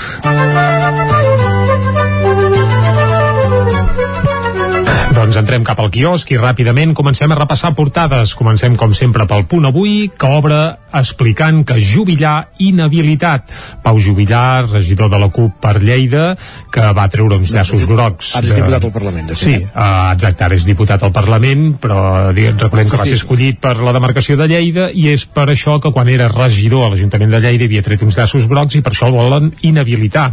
El condemnen a sis mesos d'inhabilitació, però atenció perquè Laura Borràs no li retirarà l'acte, tot i que la Junta Electoral Central li ordeni, eh, i cal dir que bé, amb el president Torra potser tots recordem com va anar quan el president del Parlament era Roger Torrent però bé, ja es veurà com acaba anant tot plegat. A més, la fotografia apareix curiosament Laura Borràs al costat de Pere Aragonès i al costat també de Sergi Balbel, que ahir va rebre el Premi Sant Jordi en el marc de la nit de Santa Llúcia. Una, un altre dels titulars que apareix al punt avui és que Esquerra Republicana i el govern espanyol acosten posicions en la llei de l'audiovisual. Això apunten des del punt avui. Anem cap a l'ara. Uh, la llum bat un nou rècord i complica la recuperació. El govern espanyol no se'n surt amb el preu de l'electricitat que fa tres mesos que està disparat. La fotografia per la Rambla de Barcelona, que començarà a canviar el 2022. I la fotografia que apareix a l'ara no és una fotografia, sinó que és una recreació de com quedarà aquesta Rambla on sembla que guanya pes l'espai per a vianants i en perd eh, l'espai per cotxes. També amb un raconet, Sergi Balbel s'estrena amb una novel·la que guanya el Sant Jordi. Més portades, anem cap al periòdico. Jaume Plensa, català de l'any. Recordem que això del català de l'any qui ho organitza és el periòdico, per això altres portades no apareix i el periòdico sí. I es veu Pere Aragonès aplaudint a Jaume Plensa, que és aquest escultor barceloní, segurament un dels artistes més internacionals que tenim ara mateix i que ahir va rebre el premi aquest català de l'any, que per cert feia dos anys que per culpa de la Covid no s'entregava. A l'avantguàrdia, el govern central prepara més ajuts fiscals per pal·liar l'alça imparable de la llum. Les mesures entrarien en vigor el 2022, mentre la tarifa elèctrica continua desbocada, diuen a l'avantguàrdia, i avui bat un nou rècord històric. És a dir, que a part del rècord del volcà de la Palma que ens comentava el Pep Acosta, tenim un altre rècord de longevitivitat i de llargària, que és el del preu de la llum. Uh, la fotografia, un pistoler sembra el pànic a Tarragona. Uh, això expliquen a la portada de La Vanguardia. I també eh, Calviño espera que els fons europeus siguin un xoc positiu per a l'economia. Anem cap a les portades que s'editen des de Madrid i comencem, com fem sovint pel país. El titular principal és per un fons estatal cobrirà part del topall de català que no assumeix Netflix. Això apunta el país. Com, com, com, com això?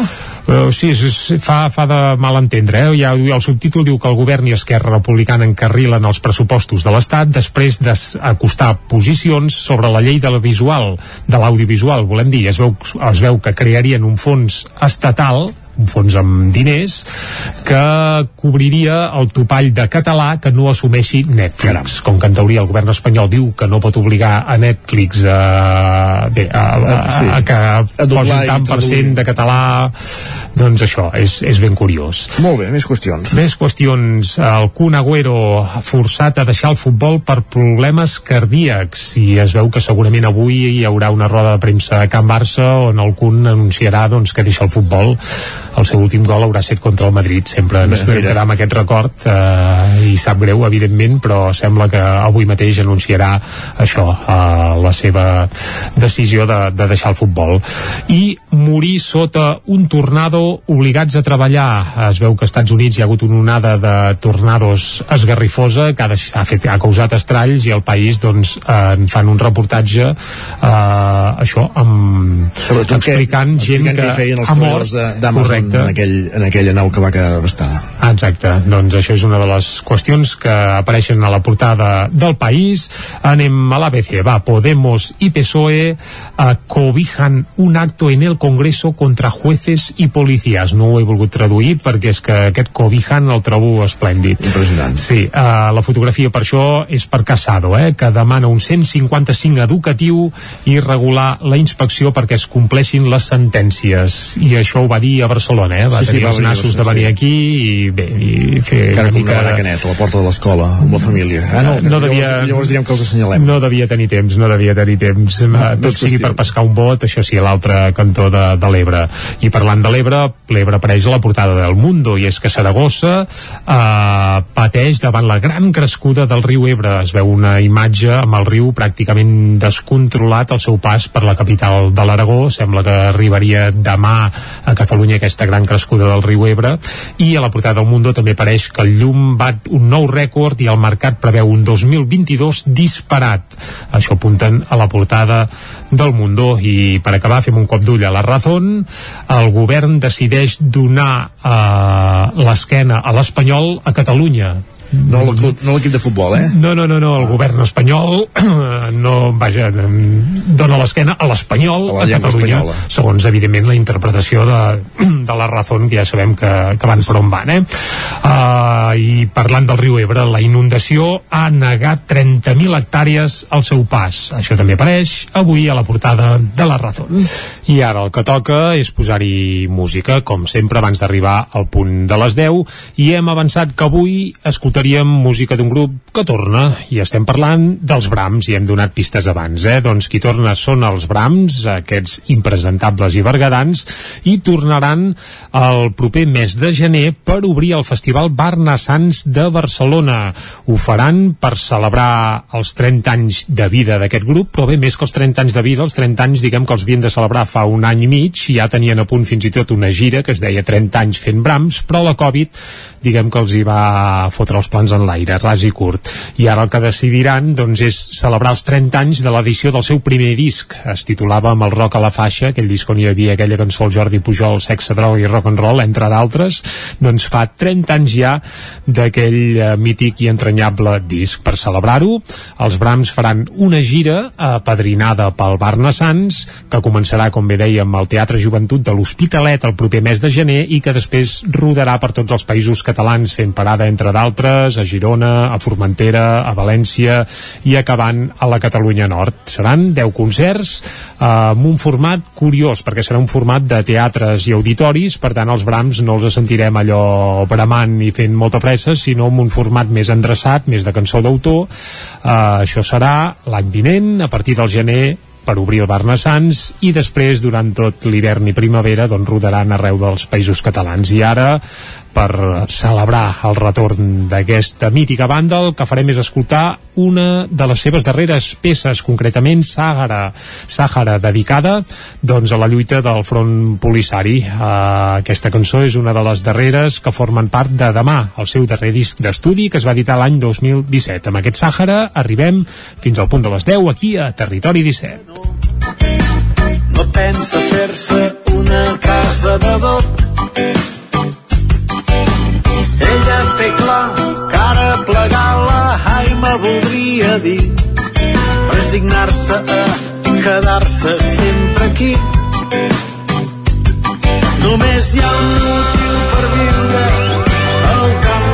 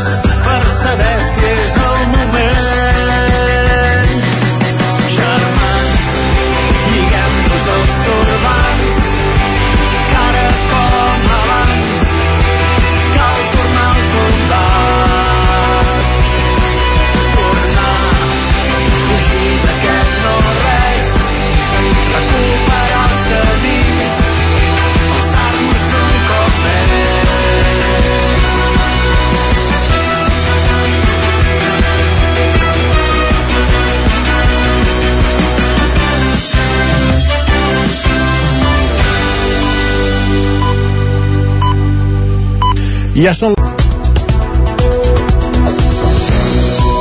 I aquesta hora és hora, com cada dia, d'actualitzar-nos. Al Territori 17, en connexió amb les diferents emissores que cada dia fem possible aquest programa. Des del Ripollès, la veu de Sant Joan, el Vallès Oriental, Ona Codinenca i Ràdio Cardedeu, el Moianès també Ona Codinenca, i a Osona, Ràdio Vic, el 9 FM i el 9 TV. L'Ajuntament de Vic homenatja aquest dilluns Miquel Riera Pujol per la seva trajectòria altruista. El va homenatjar aquest dilluns, volem dir, perdó, que l'ha portat a formar part d'una quinzena d'entitats del tercer sector a la ciutat i a la comarca. Amb, amb el lema Una vida al costat de les persones, l'acte va repassar també la vida professional i personal de Riera. Una gran ovació amb les 300 persones que omplien la sala Joaquim Maideu de l'Atlàntida, Dretes va tancar aquest dilluns al vespre l'homenatge que l'Ajuntament de Vic, amb la col·laboració de l'entitat Amics de la Ciutat, va fer a Miquel Riera Pujol. A sobre l'escenari hi havia representants de les entitats de l'àmbit social de Vic i d'Osona, de les quals Riera, pallaire de professió, ha format part al llarg de la seva vida. Entre d'altres, Càritas Arxiprestral de Vic, Sant Tomàs, l'Associació Aixes, el Banc dels Aliments, Creu Roja, l'Hospitalitat de la Mare de Déu de Lourdes, Osonament o la Fundació Hospital de la Santa Creu. Escoltem a l'alcaldessa de Vic, Anna R.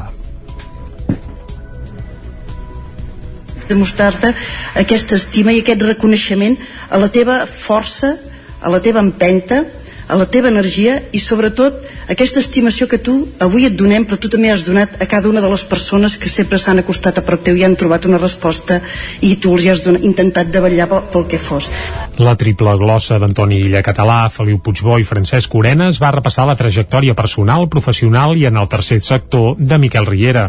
Escoltem breument el pallaire Antoni Illa Català. Els adobers bigatans et reconeixem tots aquests valors i et manifestem les gràcies per entre moltes altres coses haver sigut un pallaire exemplar.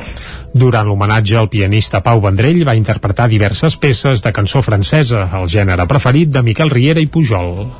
L'Agència de Desenvolupament del Ripollès organitza una xerrada per saber com actuar davant un niu de vespa asiàtica. Isaac Muntades, des de la veu de Sant Joan. Aquest dimecres, a partir de dos quarts d'onze del matí, es durà a terme una jornada tècnica en línia titulada La vespa asiàtica, com aturar-la, tècniques, mitjans i legislació, organitzada pel Departament d'Acció Climàtica, l'Agència de Desenvolupament del Ripollès i Producte del Ripollès. El tècnic en control de plagues i gerent de Nura Montseny, Antoni Armengol, i el responsable tècnic de Bionet, Roger Vila, explicaran aspectes rellevants de la biologia de l'espècie i detallar detallaran una guia per a la gestió municipal de la plaga a Catalunya. La vespa velutina, coneguda popularment com a vespa asiàtica, és una espècie invasora que va entrar al Principat l'any 2012 i des de llavors ha anat colonitzant el territori català, tot i evitar-ne l'expansió. El que més destaca de l'animal és la mida dels seus nius, que són molt voluminosos i que són més fàcils de detectar quan cauen les fulles dels arbres. Per exemple, a la zona de Ribamala, al riu Ter entre Ripoll i Sant Joan de les Abadeses, n'hi ha un de molt visible. Armengol afirma que l'animal no és perillós pels humans perquè no ataca les persones a menys que aquestes topin sense voler amb un niu, que a vegades sí que estan a sota terra o en matolls de poca alçada a només un metre i mig del terra. Sí que comporta més risc per les abelles autòctones, ja que s'espera immòbil a prop dels apiaris per si en pot caçar alguna i encara que siguin força maldestres capturant-les, les abelles agafen por i es queden dins del rusc i poden arribar a morir d'inanició. En aquesta fase del control de l'espècie, els ajuntaments tenen la potestat per decidir què fan si es tracta d'un espai públic. Això sí, Armengol també avisa que no sempre es fa correctament. D'una banda, un intrusisme professional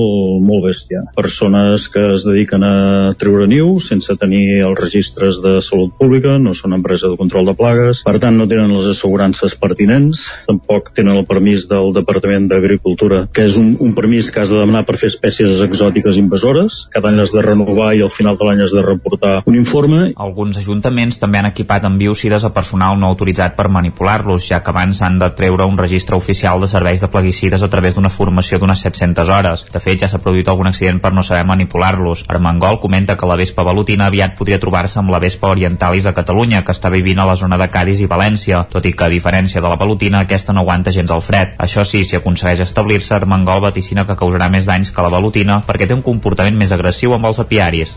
Caldes de Montbui difon un vídeo publicitari per promoure la compra del comerç de proximitat, que era el campàs des d'Ona Codinenca. A menys de dues passes és el títol de la nova campanya de promoció del comerç de Caldes que reivindica les compres de proximitat i ho fa amb una cançó escrita especialment per l'ocasió i un vídeo en què intervenen prop d'una trentena de comerciants locals i que ja es pot veure al web i al canal de YouTube de l'Ajuntament. Sentim-ne sentim un fragment. Camina que et fa falta, que el bo i millor. Vine al comerç de Caldes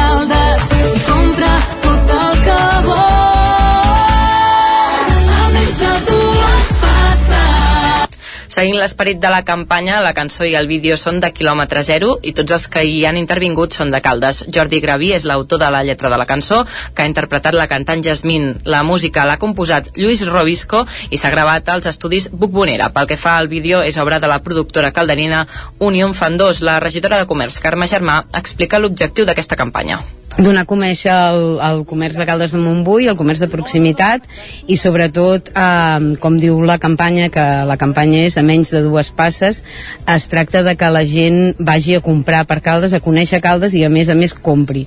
I ho faci a peu, que és com s'ha de fer en un poble que no és gran com el nostre, que es pot anar a peu a tot arreu. És per eh, tot tipus de públic, però ens dirigim bàsicament al públic de dintre de Caldes, que té el comerç de proximitat eh, molt a la vora dels seus domicilis perquè no se'n vagi fora de Caldes a comprar quan aquí a Caldes ja ho tenim de tot. De fet, com diu la cançó, des de l'època dels romans, Caldes és una, una població, una vila de comerç. Per tant, tenim tradició, tenim de tot, aquí no ens falta de res i tothom pot comprar el que busqui. La cançó i el vídeo es presenten aprofitant la campanya comercial de Nadal. Per això, durant les properes setmanes es difondrà a través de les xarxes i la cançó sonarà per la megafonia instal·lada als carrers i es convertirà en la banda sonora de les campanyes comercials dels propers mesos. News. El Club Excursionista Call d'Atenes ha muntat un arbre de Nadal a la rotonda de Can Jovan, a, tocar de l'eix transversal. No és, però, un arbre convencional, sinó un arbre dels residus contra el consum desmesurat.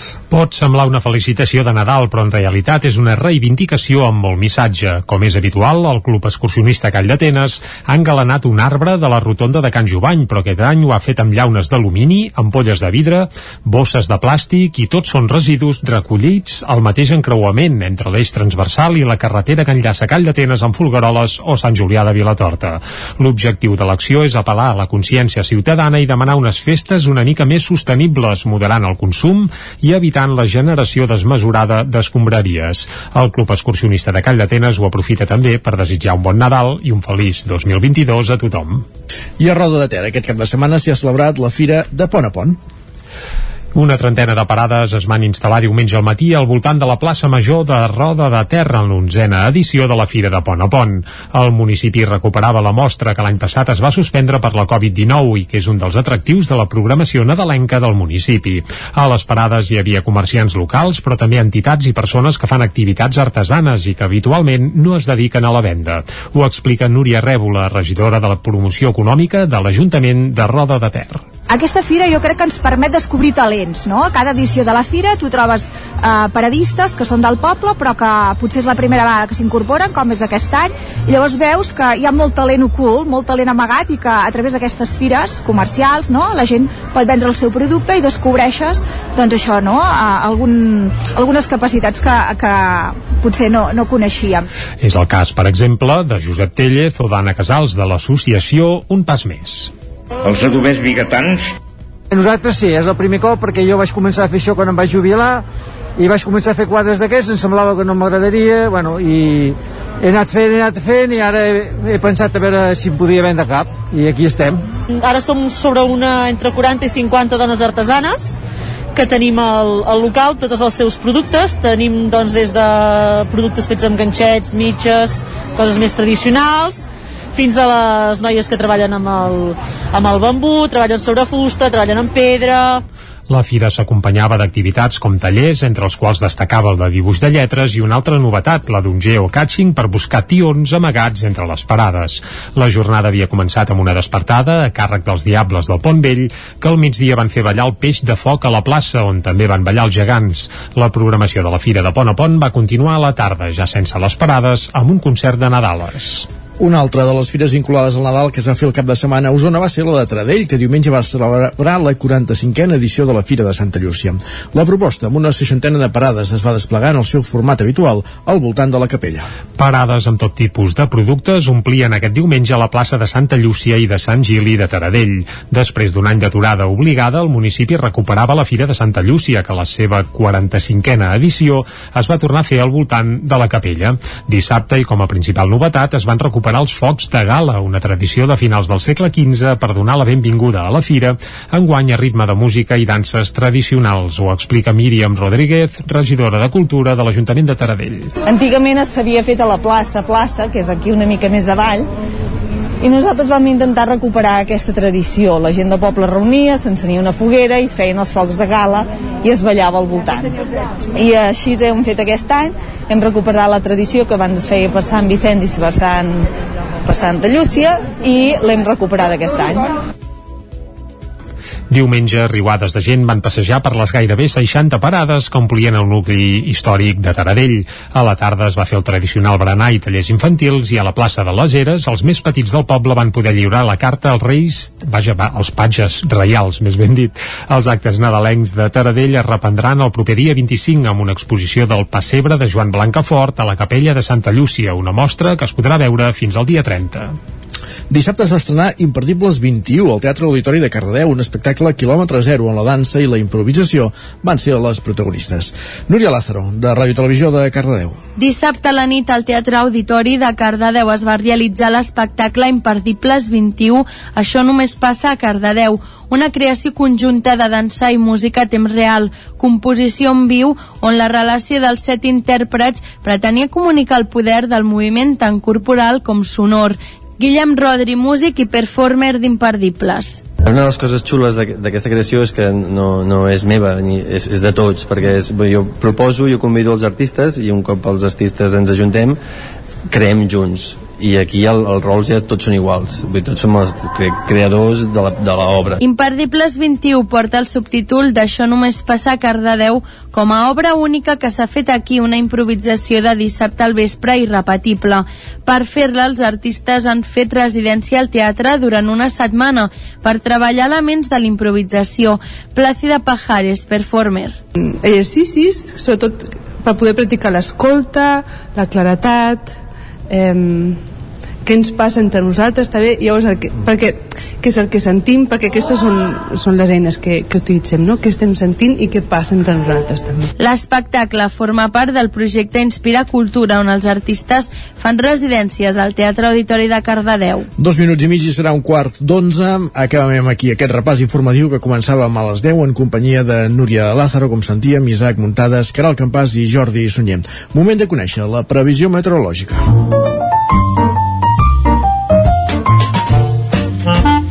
Casa Terradellos us ofereix el temps. Una previsió meteorològica que cada dia ens acosta en Pep Acosta. A primera hora, a part de parlar-nos del temps, també ha parlat de volcans, però ara mirarem de senyir-nos només a, al tema meteorològic, que ja sabem Ja ens- que és ja bastant, creure, va. sí, bastant monòton. Pep, molt bon dia. Hola, Què molt tal? bon dia. I bona hora. Què tal? Bé, tu? Com va la setmana? Aquesta setmana pre-Nadal, Mm-hmm. eh, setmana d'impàs, perquè la setmana que ve és la important, eh? La setmana de Nadal, Sant Esteve, bueno, important pel que i tot això. Esclar, Hi ha molta gent que, que és una setmana ben normal. I ben normal és la situació meteorològica. Mm, tenim aquest enorme anticicló, enorme, que cobreix tota Europa occidental i que ens porta un temps molt, molt pla, molt monòton i amb molt poc moviment. Cal dir eh, que això seguirà uns quants dies més. I tenim les nits fredes a les valls, nits més suaus a alta muntanya i de dia molta suavitat, molt de sol i només alguna boira. Molt poques novetats. Les mínimes entre els 5, 6, 7 graus a moltes poblacions, només glaçades a les zones més fondes, a les fondalades a les comarques, i de dia les màximes entre els 10 i 16, 17 graus. S'enfilen, ahir van enfilar fins als 20 graus a Planoles, per tant, temperatura molt, molt suau a muntanya, a les zones amb boira, temperatures una mica més baixes, ja que les boires comencen a ser més persistents, més intenses i més extenses. I això és tot, a disfrutar del dia d'avui i a disfrutar d'aquest anticicló que tenim per dies i dies a sobre nostra. Doncs Moltes va. gràcies, adéu, bon dia. Bon dia, Pep. Vinga, que vagi bé. Dies de bonança i d'anticicló. I a més, avui no hi ha pràcticament ni boira, eh? N'hi ha hagut al matí a primera hora. Sí, però ara tant a s'ha Vic. esvaït, s'ha esvaït ja, A eh? Vic potser no tant, però altres punts de, la- de la plana ja t'asseguro jo que sí. Va. Va, uh, anem per l'entrevista, anem cap al Ripollès. Casa Terradellos us ha ofert aquest espai.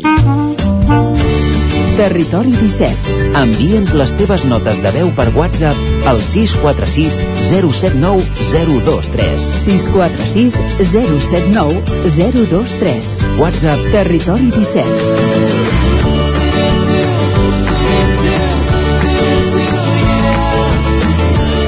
Territori 17. Som a Facebook, Twitter i Instagram amb l'usuari Territori 17.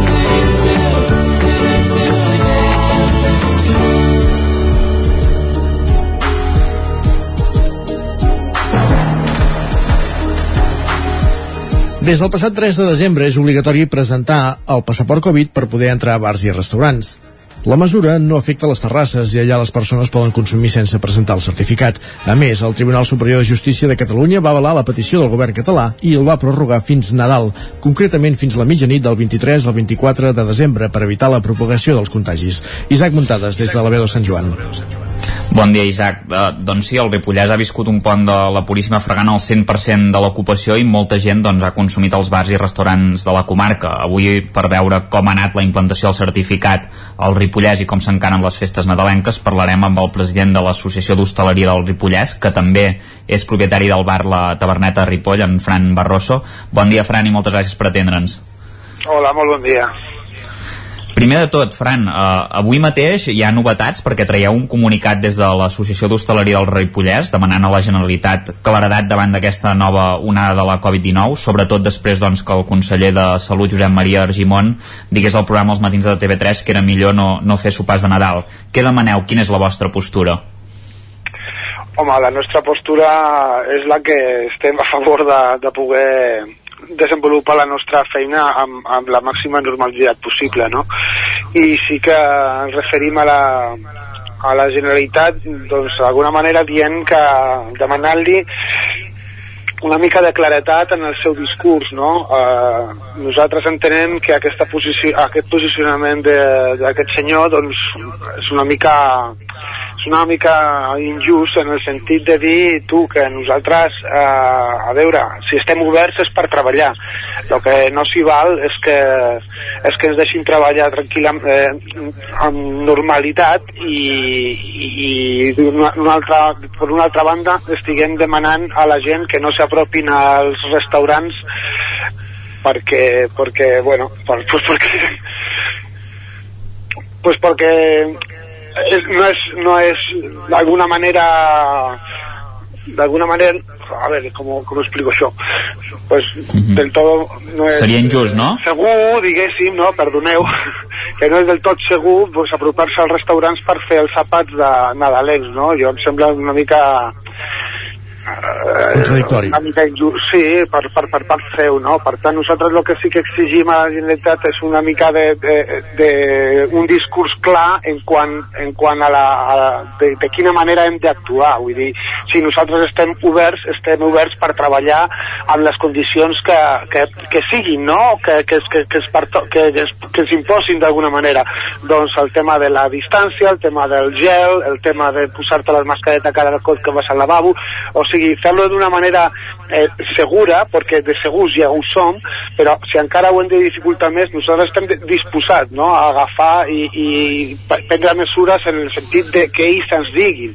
Però clar, d'aquí a, a fer públic que la gent no vagi als restaurants eh, per seguretat, per, per el tema dels sopars d'empresa, a mi em sembla una mica irresponsable per la seva part. Mhm. I anant cap a la valoració d'aquest pont, Fran, no sé si heu tingut molta gent a la comarca. Com han funcionat els bars i restaurants respecte al que seria un cap de setmana normal? Doncs, bueno, eh, s'ha treballat molt bé en el conjunt de tota la comarca, això s'ha de dir, però sí que és veritat que potser la capitalitat del Ripollès ha quedat una mica despenjada per, bueno, per, per culpa d'alguna manera de, de les polítiques de, de, de fer, eh, de fer al, algun tipus d'activitat durant aquests dies a la capital del Ripollès, no? Ha quedat una mica, va quedar una mica coix, però la resta de la comarca ha treballat molt i molt bé, també s'ha treballat bé a, a Ripoll, però ja et dic, ja, hi ha hagut hores mortes que és que semblava que no fos ni, ni pont, no? A vegades, a la, sobretot a la tarda, que no voltava gent, per l'escassa activitat a, a nivell de fires o una cosa així, no? Teníem una fira important a Vic, teníem el Mercat Medieval, teníem una fira de Nadal a Camprodon, teníem una altra fira de Nadal a Planoles, a Ribes, ha, i ha quedat una mica coix aquí al Ripollès, però bueno, hem treballat i hem esquivat el bulto com hem pogut. El tema del passaport Covid, tornem al passaport, la gent no ho entès com s'ha de presentar, tothom el du, hi ha algun sector de la població que és més reticent o, o que no el té, o ha tingut algun tipus de conflicte en aquest aspecte? No, no hi ha hagut cap tipus de conflicte. A veure, puntualment potser algun company no, te- ens ha indicat de que, bueno, si alguna persona doncs es posava una mica així per, per, per el tema de les dades, que tampoc sabien ben bé quines quines dades eh, són les que estaven exposades eh, a l'hora a l'hora de fer el, seguir el passaport. Ja et dic, és un, és, un, és un número molt residual en comparació amb la gent que ja porta, quan s'apropa a la porta, ja porta la, el QR a la mà i és de fàcil fer i de fàcil llegir.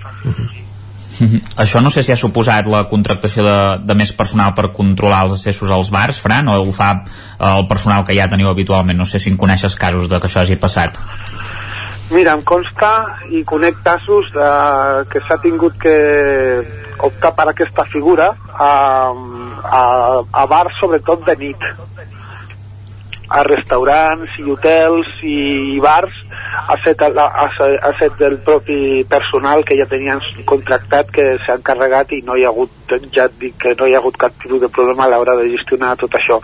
Però sí que els bars de nit han optat per aquesta figura perquè la nit pues, dona més per bueno, en fi, és, és una gestió diferent de l'espai i, i sí que s'han tingut que contractar alguna persona Salut també demanarà al Tribunal Superior de Justícia que vali la, eh, que s'hagi d'ensenyar el DNI juntament amb el passaport Covid. Això dificultarà més la vostra feina? Home, és obvi que sí, perquè si ja simple, simplement llegint el QR doncs ja és un treball extra, doncs quan més documentació haurem de, haurem de demanar, més temps se'ns se perdrà gestionant aquesta, pues aquesta, aquest, aquest passaport ja, i demanar el carnet pues és una més a més, no? és més temps que tu has de fixar-t'hi en les dades, que les has de contrastar, a veure si, si és ben bé que, pues, que coincideixi. No? Bueno, eh, és més temps, però, però no, és, no és un problema major. Uh, I a diferència de l'any passat, Fran, aquest cop sembla que no s'haurà de, de confinar per Nadal uh, com, com va passar doncs, uh, l'any passat, valgui la redundància, perquè els indicadors doncs, aquí al Ripollès han millorat en, en les últimes setmanes i no estem ni molt menys com, com l'any passat. Com es presenten les festes de Nadal? Bueno, abans de tot cre creuarem els dits eh, desitjant que això sigui veritat, no? Perquè tampoc és que, com que anem així a cop, a cop d'astral, d'alguna manera, doncs no sabem què, què és el que passarà. Eh, ja et dic que fa uns dies aquest senyor ens ha dit que millor que la, la, la població no s'apropi als restaurants per, per el tema dels sopars de les empreses, o sigui que ja no es, es puguin creure qualsevol cosa. El eh, que sí que demanem, que és, que, que, que és per això que hem fet aquest... Vam, vam organitzar una reunió d'urgència i ens vam posar d'acord entre, entre els membres de la Junta per poder per poder llançar aquest, aquest comunicat doncs exigint una mica això, no? exigint eh, una mica de claretat i una mica de sentit comú i, i un discurs eh, amb, amb certs dies vista del que pugui venir a la Generalitat. No? El que no puguem anar és nosaltres a cop de pitu eh, d'un dia per l'altre perquè puja l'RT que ens, sem ens sembla molt greu eh, tot això, no, no és, no és és, és una cosa molt seriosa, però, però clar, estem aquí nosaltres darrere, que hem d'aguantar els nostres els, els nostres negocis de, de, com bonament puguem i això pues, bueno, eh, dificulta una mica encara més la nostra, la nostra feina del dia a dia. Per tant, nosaltres bueno, esperarem, eh, confiem que, que puguem desenvolupar la nostra tasca lo més, amb, amb la màxima normalitat, però sí que estem una mica espantats i alarmats de dir en qualsevol moment eh, ens donen noves directrius i haurem de, haurem de donar un cop de timó eh, pues, pues a dies de, jo què sé, pues, com l'any passat, que va ser a, a dies de la campanya de Nadal, doncs ja ens creiem qualsevol cosa, perquè ja et dic, estem a expenses d'aquests indicadors que com tu bé has uh, indicat, doncs eh, ja, ja diuen que, que, bueno, que no són tan greus com l'any passat, però es veu que aquests dos últims dies està complicat una mica més la cosa. Per tant, estem a expenses de, de l'ordre de, de lo que es pugui dir salut. Anem acabant, et demanem brevetat, perquè la, la pregunta que et fem ara és una mica general, però sí que ens agradaria fer balanç, diguéssim, de, ja gairebé portem un any i mig de, de pandèmia. Com ha incidit la pandèmia en el sector al Ripollès? Hi ha hagut tancaments d'establiments de, a la comarca o com, com ho han tomat el sector tot plegat? Uh, l'ho ha aguantat força bé, eh, més bé de lo que en un moment nosaltres eh, pensaríem, però sí que ha hagut algun tancament, però ja et dic que pot ser això degut a la mala salut que ja arrossegava algun establiment. No? D'acord. Uh -huh. Doncs Fran Barroso, eh, de l'Associació d'Hostaleria de, del Ripollès, moltíssimes gràcies per ser avui amb nosaltres al, al Territori 17 i valorar aquesta situació a les portes de les festes de Nadal, de valorar també com, com el funcionament del passaport Covid a, eh, al Ripollès, que a diferència del que parlàvem l'altre dia en el cas de Caldes de Montbui, que havia hagut una incidència en un, en un establiment, aquí, com, pel que comentaves, ha estat tot més, més tranquil. Gràcies per ser avui amb nosaltres. Gràcies a vosaltres. Bon dia. Bon dia. Gràcies també Isaac Muntades des de la veu de Sant Joan per acompanyar-nos en aquesta entrevista a quatre mans. Eh, parlem més tard aquí al Territori 17. Fins després. I ara nosaltres fem una pausa de 3 minutets per la publicitat, però tornem de seguida. Més continguts al Territori 17. Arribaran Guillem Sánchez amb les pilades. La taula de redacció avui anirem fins a les portes de l'Audiència de Barcelona, on se celebra aquest judici el, el jove de Call d'Atenes, Roger Aguayo. I continuarem eh, amb la secció d'Economia, amb la referits després de, de les notícies i acabarem amb la R3 i la roda cultural de cada dimecres al Territori 17. Fins ara mateix. El nou FM, la ràdio de casa, al 92.8.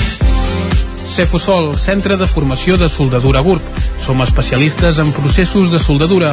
Disposem d'instal·lacions totalment equipades per a classes de teòrica i pràctica amb cabines individuals i equipaments de seguretat. Assessorem empreses i oferim cursos subvencionats i bonificats. Vine i t'informarem. Cefusol, som al carrer Sant Roc número 21 de Gurb. Telèfon 664 206 192. També ens trobaràs a cefusol.com i a YouTube. Saps què és el confort intel·ligent? És tenir un terra radiant Giacomini a casa. Benestar que no es veu, però es nota tot l'any. I que pots controlar a distància des del teu mòbil, estalviant energia i diners. Suma't al confort intel·ligent amb Giacomini. Informa't a giacomini.es o truca al 93 884 1001 i t'ajudarem a tenir un terra radiant a casa o a l'oficina. Giacomini, la climatització que et mereixes. A Corretja tenim tot el que necessites per la teva llar. Tot tipus de paviments i revestiments, sistemes d'aïllament, cobertes, parquets, aixetes, ferreteria, pintures, fixació i cargoleria, vestuari i material de seguretat. Disposem de més de 3.500 metres quadrats d'exposició amb una nova zona exterior d'aïllaments. A Corretja som especialistes en cuines i banys. Us assessorem, dissenyem i realitzem el projecte des de l'inici fins a la fi del muntatge. 100% cuines, 100% banys. Al carrer Mas Vigues 8 de Vic, a corretja-sl.com o a Instagram. 100% materials per la construcció i la decoració. 100% corretja. Corretja us desitja unes bones festes.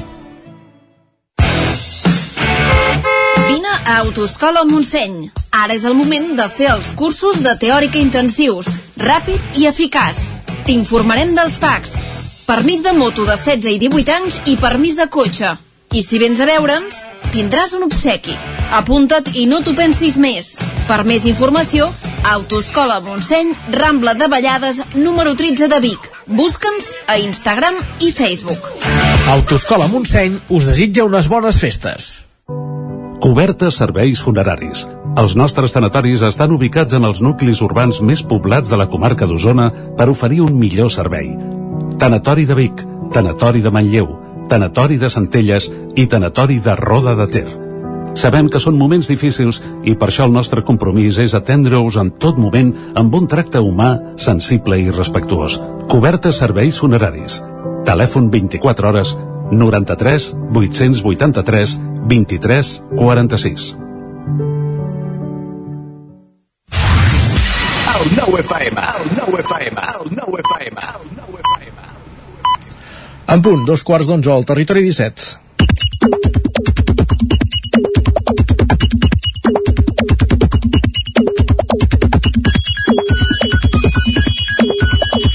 I a aquesta hora aquí ja tenim a l'estudi a punt, com cada dia és en Guillem Sánchez.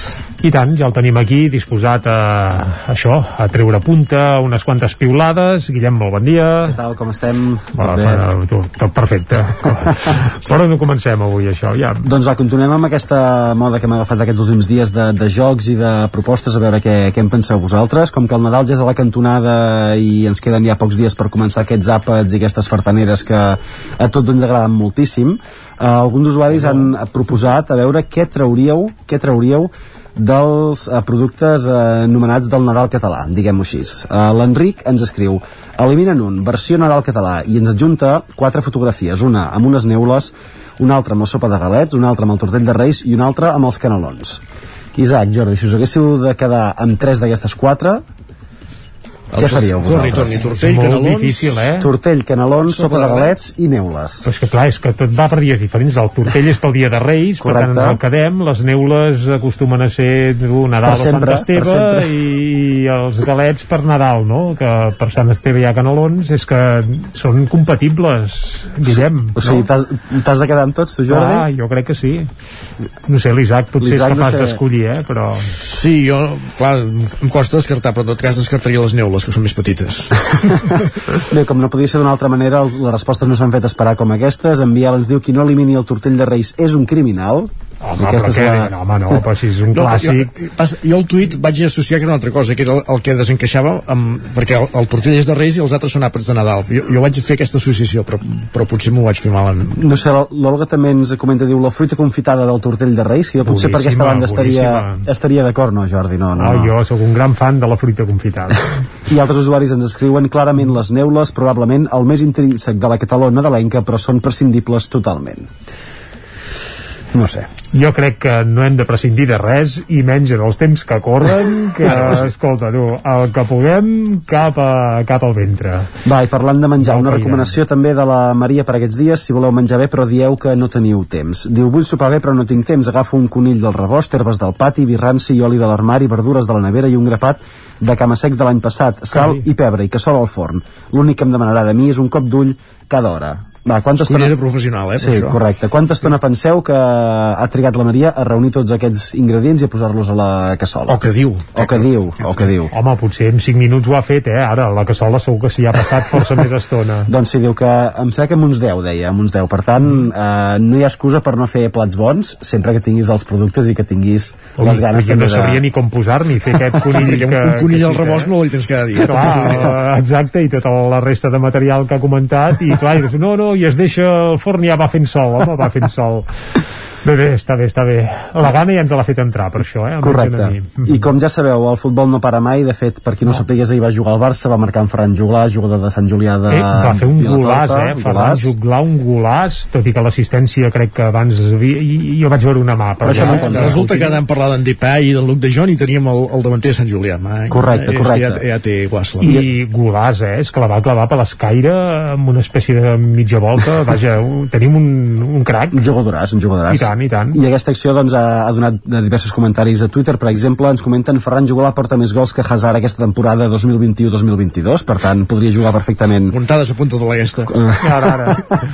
I altres usuaris que ens diuen si voleu veure més a Ferran Juglà al primer equip, eh, baixo a Luc de Joan Galvé i li dono la fitxa a Manjuglar. També són altres solucions que han, Per exemple. que han aportat alguns usuaris. Va, canviem de tema. M'ha fet molta gràcia el missatge d'en Carlos a través de les xarxes. Ens diu han entrat a casa la cançó En la calle Lle 24 Tro i el Miliquituli i em fascina la continuïtat de tradicions orals tan friquíssimes com aquestes, que la lletra totalment surrealista del Miliquituli traspassi generacions em flipa fortament. I de fet jo he de reconèixer que ahir quan sortia de la redacció per anar a gravar un parell de coses aquí al, a l'escola que tenim aquí al costat de la redacció Santa Caterina. Santa Caterina estaven, estaven jugant eh, amb una d'aquestes cançons quan, quan estaven aquí fora. Per tant que continuïn aquestes tradicions i que, i que es mantinguin I a la barrejada, qui no entra para, encara es canta aquesta, no? I tant, i tant, ja t'ho ben asseguro. i de fet aquest tuit també ha tingut alguna resposta per exemple la de la Teresa que ens diu doncs prepara't que la propera és el Don Federico diu un paio que es menja la seva dona si no coneixeu la lle- la lletra d'aquesta cançó Jo la no. podeu buscar en un moment la No podeu cal. buscar i O podem no fer-ho, eh? O podem no fer. Però vaja. Va, i parlant una Bé. mica de música, hi ha usuaris nostàlgics quan surten de festa, ens escriuen vull una discoteca on posin tota la nit cançons velles de l'oreja de Van Gogh i diu, bueno, Nena de Conte, Amaral i Fito també estan benvinguts. Nostàlgics que potser no en tenen... No, no tan nostàlgics, és No un sé, Sí, clar, ja. jo, jo aniria una mica més enrere encara, eh, a l'hora de triar, triar música, però vaja, contra gustos... Va, i acabem amb una d'aquelles situacions que no hauria de ser tan estranya, però potser en els temps que corren sí que ho és una mica. L'Albert ens apunta, diu, ¿Cómo me vas con eso? El conductor del bus s'ha enfadat perquè li he donat 3 monedes d'un euro, 8 de 20 cèntims i la resta de 5 cèntims per pagar. Li he estat a punt de dir que si hagués sigut puntual li hagués donat un bitllet de 5 euros. No sé si encara porteu tantes monedes a sobre vosaltres, però també és mèrit poder trobar 8 monedes de 20 cèntims al teu moneder i poder-li donar a un conductor de Jo el que faig col·lecció és de les d'un i de dos, perquè aquestes costen molt de col·locar. I, I es bescanvien en algun moment, Isaac, o, no. o queden guardades aquestes? Van quedant aquí al moneder. doncs va, deixem-ho aquí. Deixem-ho aquí, va, amb Va, monedes i amb monedes o sense anem a fer un cop d'ull a les portades del 99.cat comencem ara mateix per l'edició d'Osona i el Ripollès. Cobra explicant que l'AMI, l'Associació de Municipis per la Independència celebrarà els 10 anys amb una trobada amb tots els seus presidents a Brussel·les on s'establirà el camí a seguir. Bé, tant de bo ben aviat l'hagin d'extingir aquesta associació, però el pas que anem em sembla que n'hi ha per anys, eh?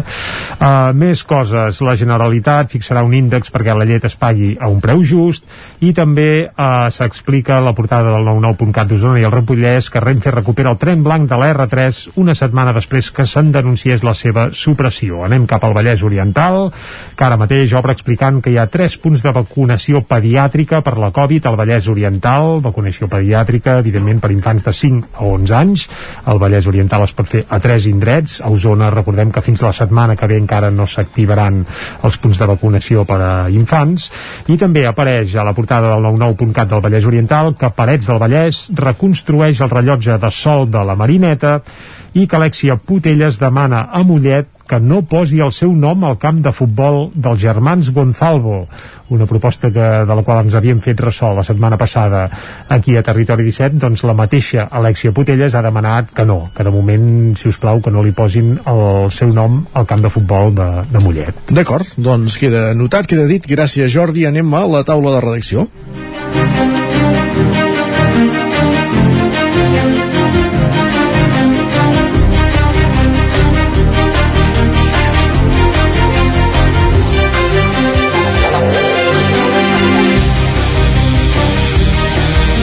I avui a la taula de redacció intentarem anar fins a les portes de l'Audiència Provincial de Barcelona, on comença el judici contra el jove de Calla Atenes, Roger Aguayo.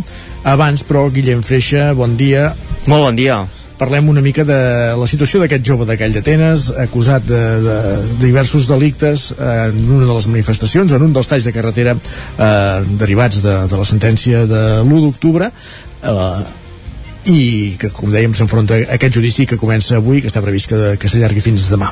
Sí, exacte. Posem una mica de context de, de què és el que, el que comença avui. Comença aquest judici contra Roger Aguayo, un jove de Call d'Atenes, eh, pel qual eh, se li demana o està acusat de dos delictes d'atemptat contra l'autoritat i també de desordres públics. Dues accions que s'haurien comès el 21 de febrer del 2019 en el marc de dues eh, manifestacions, eh, en el marc d'una manifestació que s'estava eh, fent eh, a la bifurcació entre la C-17 i la C-25, un dels eh, punts calents de eh, les manifestacions eh, vinculades a tot el procés independentista, doncs s'estava produint aquesta manifestació just en el dia que començava l'inici del judici de l'1 d'octubre.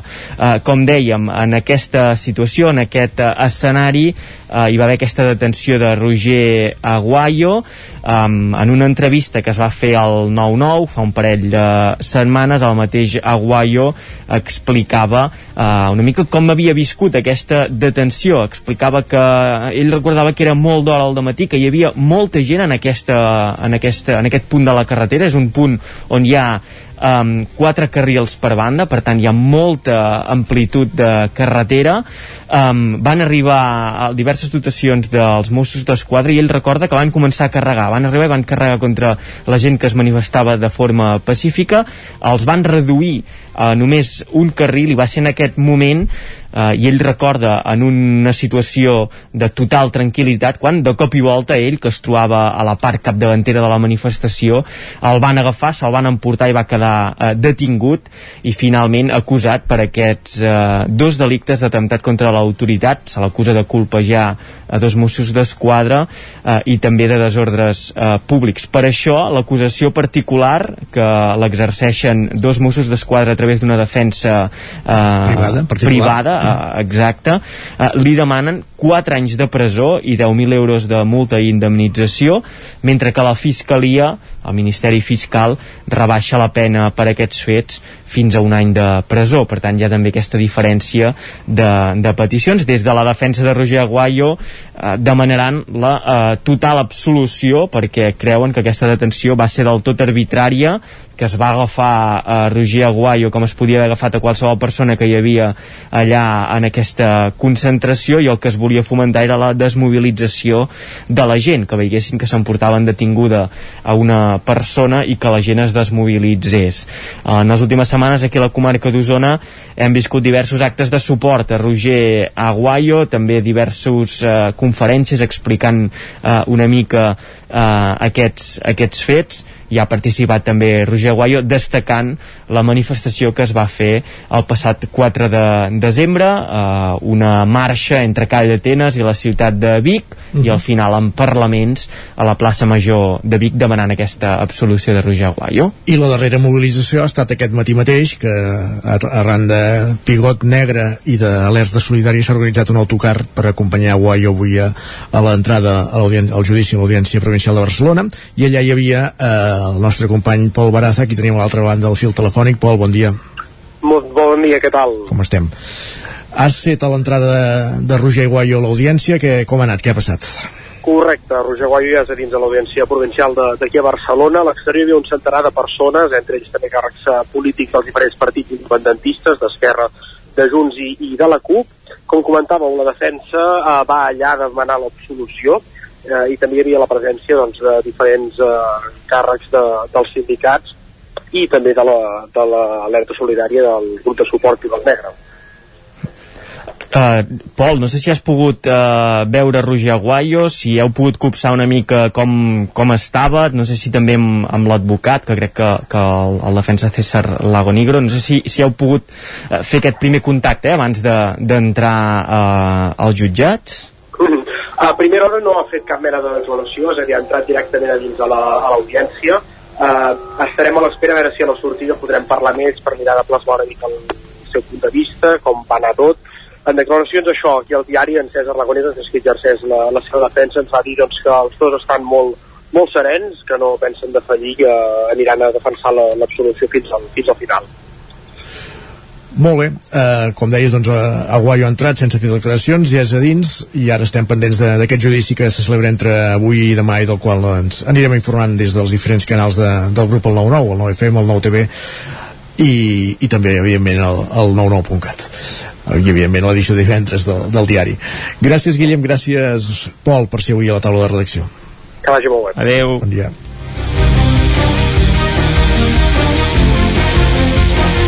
I ara, tot seguit, el que fem a, al Territori 17 és posar-nos al dia d'Economia, de, en companyia d'en Joan Carlos Arredondo, el cap d'Economia de l'edició del Vallès Oriental del 9-9.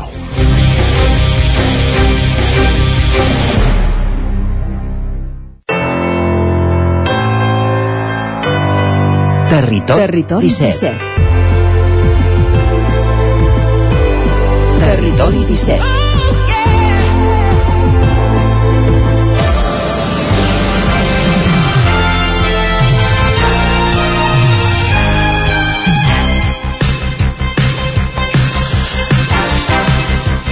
Un minut i serà tres quarts d'onze i com dèiem ens acompanya el Territori 17 en Joan Carles Arredondo, excepcionalment els dimecres eh, normalment el tenim nosaltres el dimarts, avui dimecres i una mica més d'hora del que és habitual eh, avui Joan Carles mm, recorrerem aquell tòpic de si la mida és rellevant o no, de si la mida importa o no, però estem parlant en tot cas de la mida de les empreses. Bon dia. Bon dia. Diuen això de que la mida la vida importa, doncs en el cas empresarial importa. Eh? Exacte. Uh, mm, eh, això ha sigut així en el passat i també serà així, sembla ser que en el futur. Però passa que, que la mida de les empreses a Catalunya està estancada i bé, això comporta un perjudici en termes, en termes de productivitat, en termes d'innovació, en termes d'exportació, en termes, en definitiva, de competitivitat. Mm, la màxima és repetida, però no sempre es compleix. Eh? Uh, la setmana passada, la patronal de la petita i mitjana empresa, PIMEC, va presentar els resultats de l'estudi sobre l'evolució de la dimensió de les empreses entre començament del de segle i el 2019, i el recorregut d'aquests primers 20 anys, eh, aquesta primera cinquena part del segle XXI, doncs no ofereix cap canvi que, que es pugui considerar rellevant. Uh, de fet, uh, a Catalunya no arriba el nombre d'empreses amb més de 250 treballadors, que és la mida uh, a partir de la qual es comença a parlar de gran empresa. Doncs això, eh, aquest no, no, no arriba a una de cada 100. Eh? És molt poc, això, realment. Eh? Un 0,8%. Sí, en realitat l'estudi fa, fa la comparativa amb, amb altres països Um, diguem-ne que amb, amb nombre, tant en nombre d'empreses com fins i tot en nombre de petites i microempreses la cosa és similar eh? um, en, si, si es mira en termes absoluts i en, i en països uh, diguem-ne que puguin ser comparats com, com, que, que es, amb, el, amb els quals es pugui establir una comparació eh? um, amb nombres absoluts doncs es podria establir comparació que, que et diré amb Suïssa uh, la, la, la cosa varia poc eh, sobre el pes de les microempreses. Sí que és veritat que, que les grans empreses, diguem-ne que un país com Suïssa, que té més o menys 7 milions d'habitants com, com Catalunya, eh, doncs eh, té, té, té, té un nombre superior. Eh, per tant, eh, en el cas de Catalunya és un 99,2% de les empreses que són petites o mitjanes i amb una proporció més decantada cap a les microempreses. Eh? Les microempreses són aquelles que tenen entre 0 i 10 treballadors, eh, perdó, entre 0 i 9, eh? menys, de 10, menys de 10 treballadors, eh, que representen un 73% del total. Uh, és cert que la tendència canvia força si s'analitza específicament el sector manufacturer, eh, la indústria, que és el, el focus de l'estudi que, que ha fet Pimec que va sobre, sobre el sector manufacturer. En aquest cas, les, les grans empreses ja arriben a ser el 32% del total, però el cas és que la tendència en aquests àmbits industrials és que el nombre de societats vinculades a aquest sector està baixant. Eh? Hi ha menys empreses de manufactureres en aquest moment, perquè està creixent la productivitat i determinats serveis s'estan externalitzant. Eh? Només cal veure l'eclusió d'empreses que fan, que fan distribució, eh? la, la logística. Eh? Eh, tot i que no és cap novetat, convé retenir en la memòria que com més dimensió, més competitivitat, més competitivitat, ja ho direm, sí. més rendibilitat, més capacitat d'afrontar reptes i més generació d'ocupació. Eh, així ho defensava també el secretari general d'aquesta organització empresarial, eh, Josep Ginesta. Eh, les dades assenyalen com les grans empreses eh, que representen això, eh, aquest 1% del total, generen un 41% del valor afegit brut a Catalunya, en contrast amb el 27% eh, que generen les microempreses, tot i representar aquest 70, sí. el 75% de, del teixit empresarial. Eh, Entre les pimes, un 23% innova, mentre que les grans ho fa gairebé la meitat, eh, un 50%. Per tant, aquí tenim Clar, està clar, com, més dimensió, més recursos. eh, més, més recursos per destinar, eh, que, que et diré, eh, recerca i innovació, etc. Eh? Vull dir, eh, diguem-ne que aquestes, aquestes dades estan clares. Que el teixit empresarial sigui majoritàriament d'empreses petites no ha de ser sorprenent, eh? Ho és a Catalunya i, com dèiem, ho és a tota Europa, encara que en menor mesura. A, a més, tota empresa, mm, tota empresa, quan comença, és petita, eh? No, normalment, quan fa els primers passos, eh, no, no, no, no, no acostumen a ser empreses que es creïn amb 250 treballadors d'entrada, no?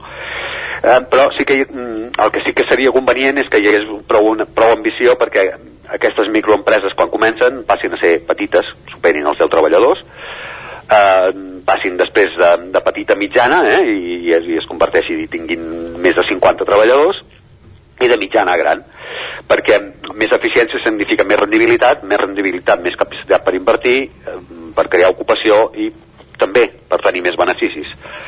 Aquesta ambició no ha de provenir únicament de l'empresariat. Eh? Eh, convé, per exemple, que els marcs normatius afavorissin, afavorissin aquestes transicions i en aquest sentit el camí no sempre és planer. Uh, les regulacions són superiors per les empreses grans, de manera que per evitar, en, evitar entrebanys regulatoris no són poques les empreses que fan el següent.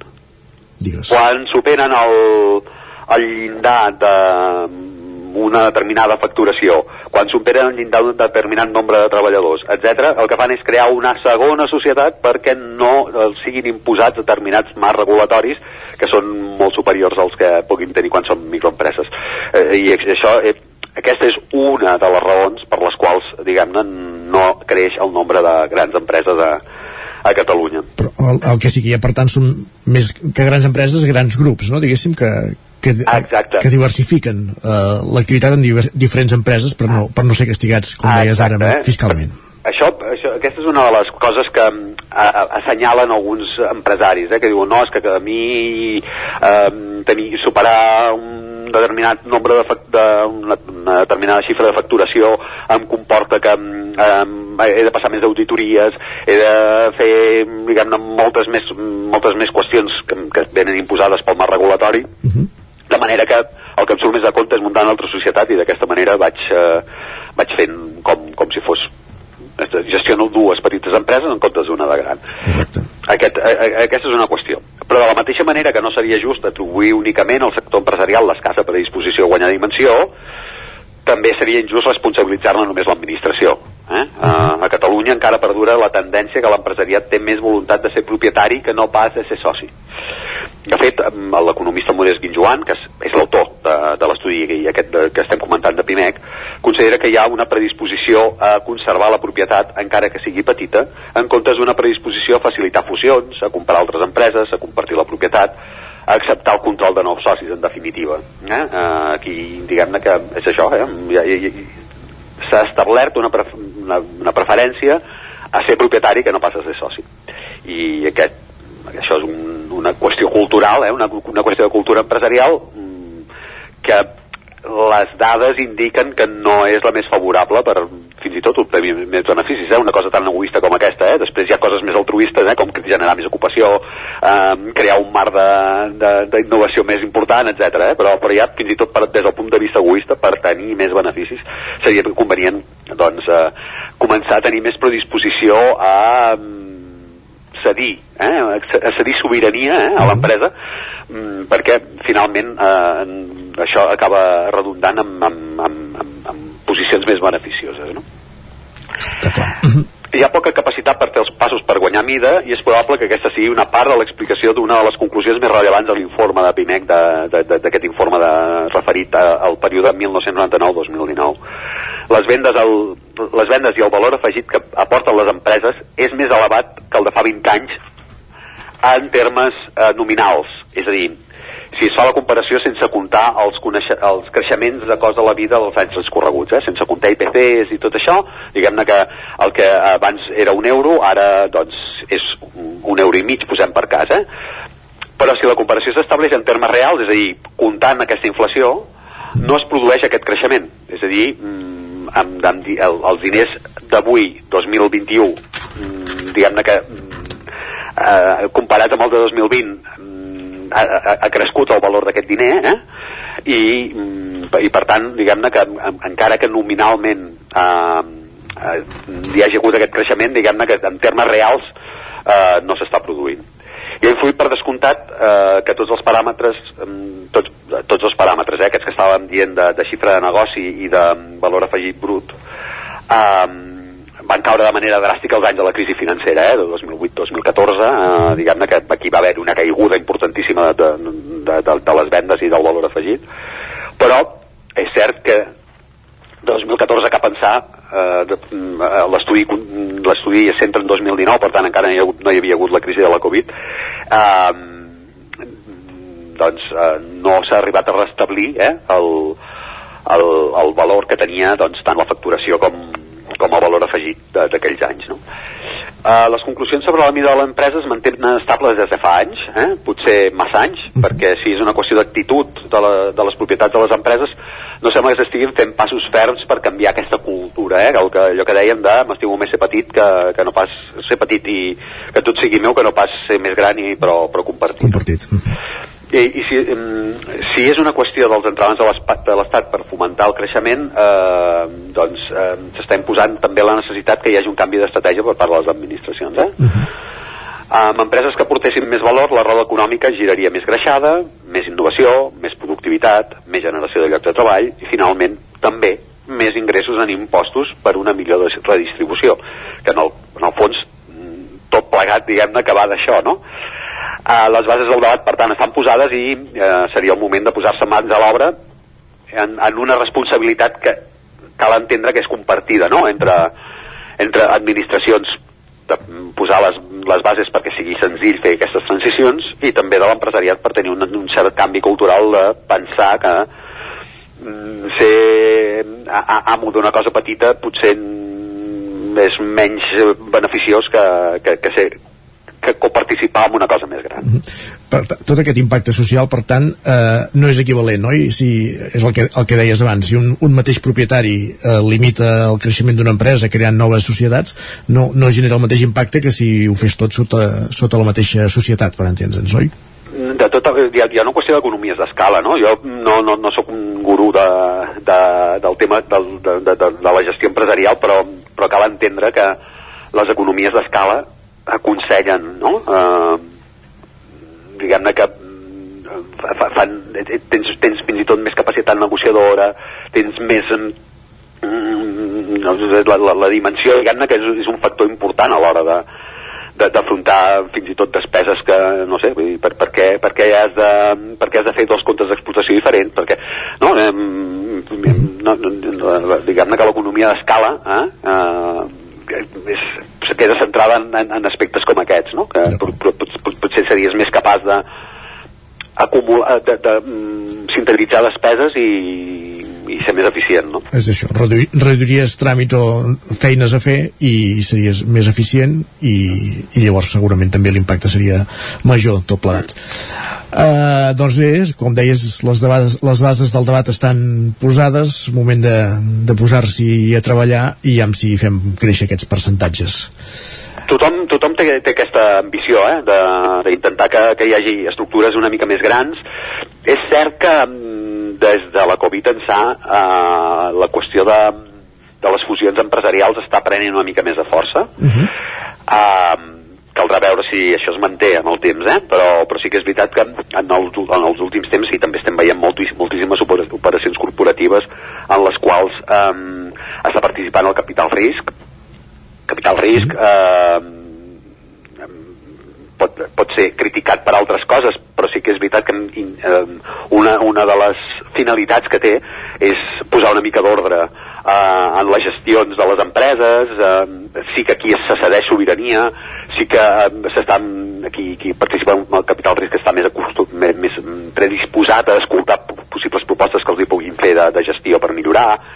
Eh, està passant això, però diguem-ne que en el que és el, el, el general de, de, de, de, les dades, eh, quan, quan les mires totes agregades, veus que encara mm, segurament és insuficient tots aquests passos que s'estan fent. Perfecte, jo Carles Arredondo, cap d'Economia del 9-9 del Vallès Oriental, gràcies per ser una setmana més amb nosaltres en aquesta secció que dediquem a, a l'economia al territori 17 cada setmana. Gràcies a vosaltres. Bon dia. I avui, com dèiem, parlant de la mida de les empreses. Dos minuts perquè siguin les 11. Arribarem a les 11 eh, escoltant música, escoltant un, un clàssic d'un autor que actuarà en un festival que hi és del qual ahir es donava a conèixer el cartell.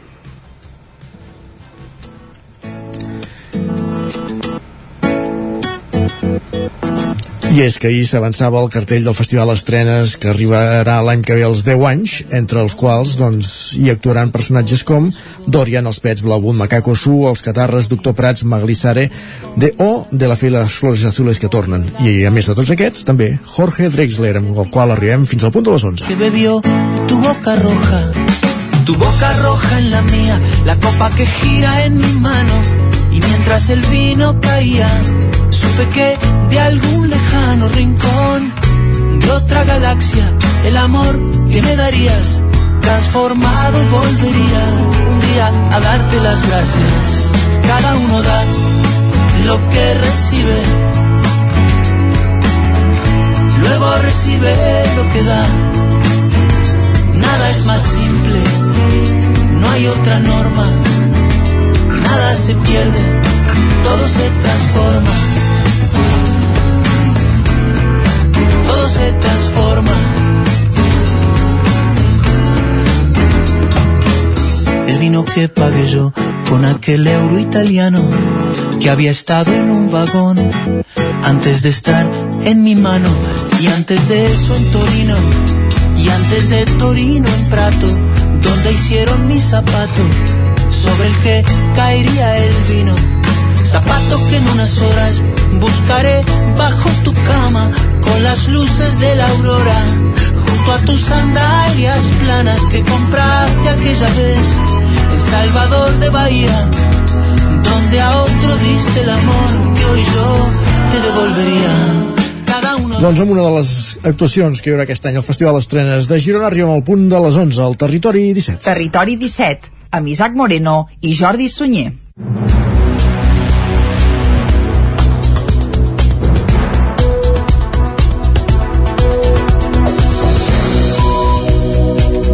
Aquesta hora, com cada dia, és moment de posar-se al dia al Territori 17 en connexió amb les diferents emissores que cada dia fem possible aquest programa. Ona Codinenca, Ràdio Cardedeu, la veu de Sant Joan, Ràdio Vic, el 9 FM i el 9 TV.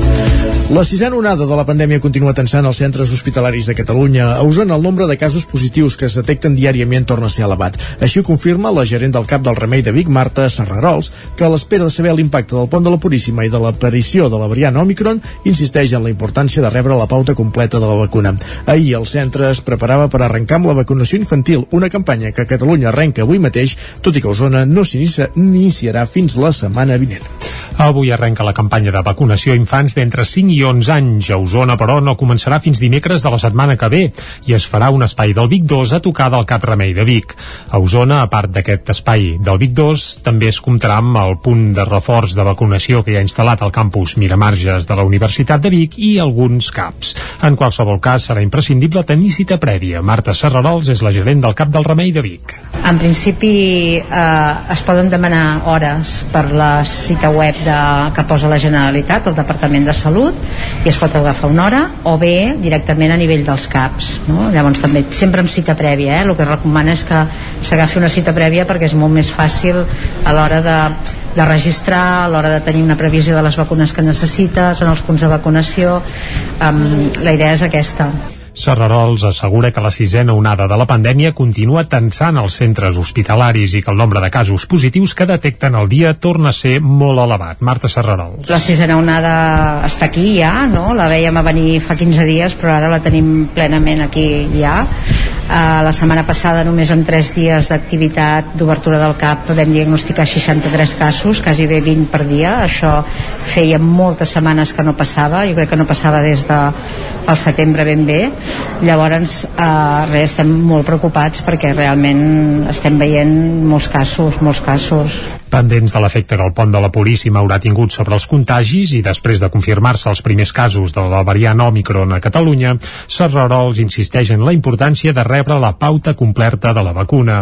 El proper dilluns dia 20, precisament, efectius del CAP del Remei es desplaçaran a l'Institut de la Plana de Vic perquè els alumnes d'entre 12 i 18 anys que encara no s'han vacunat puguin rebre el vaccí.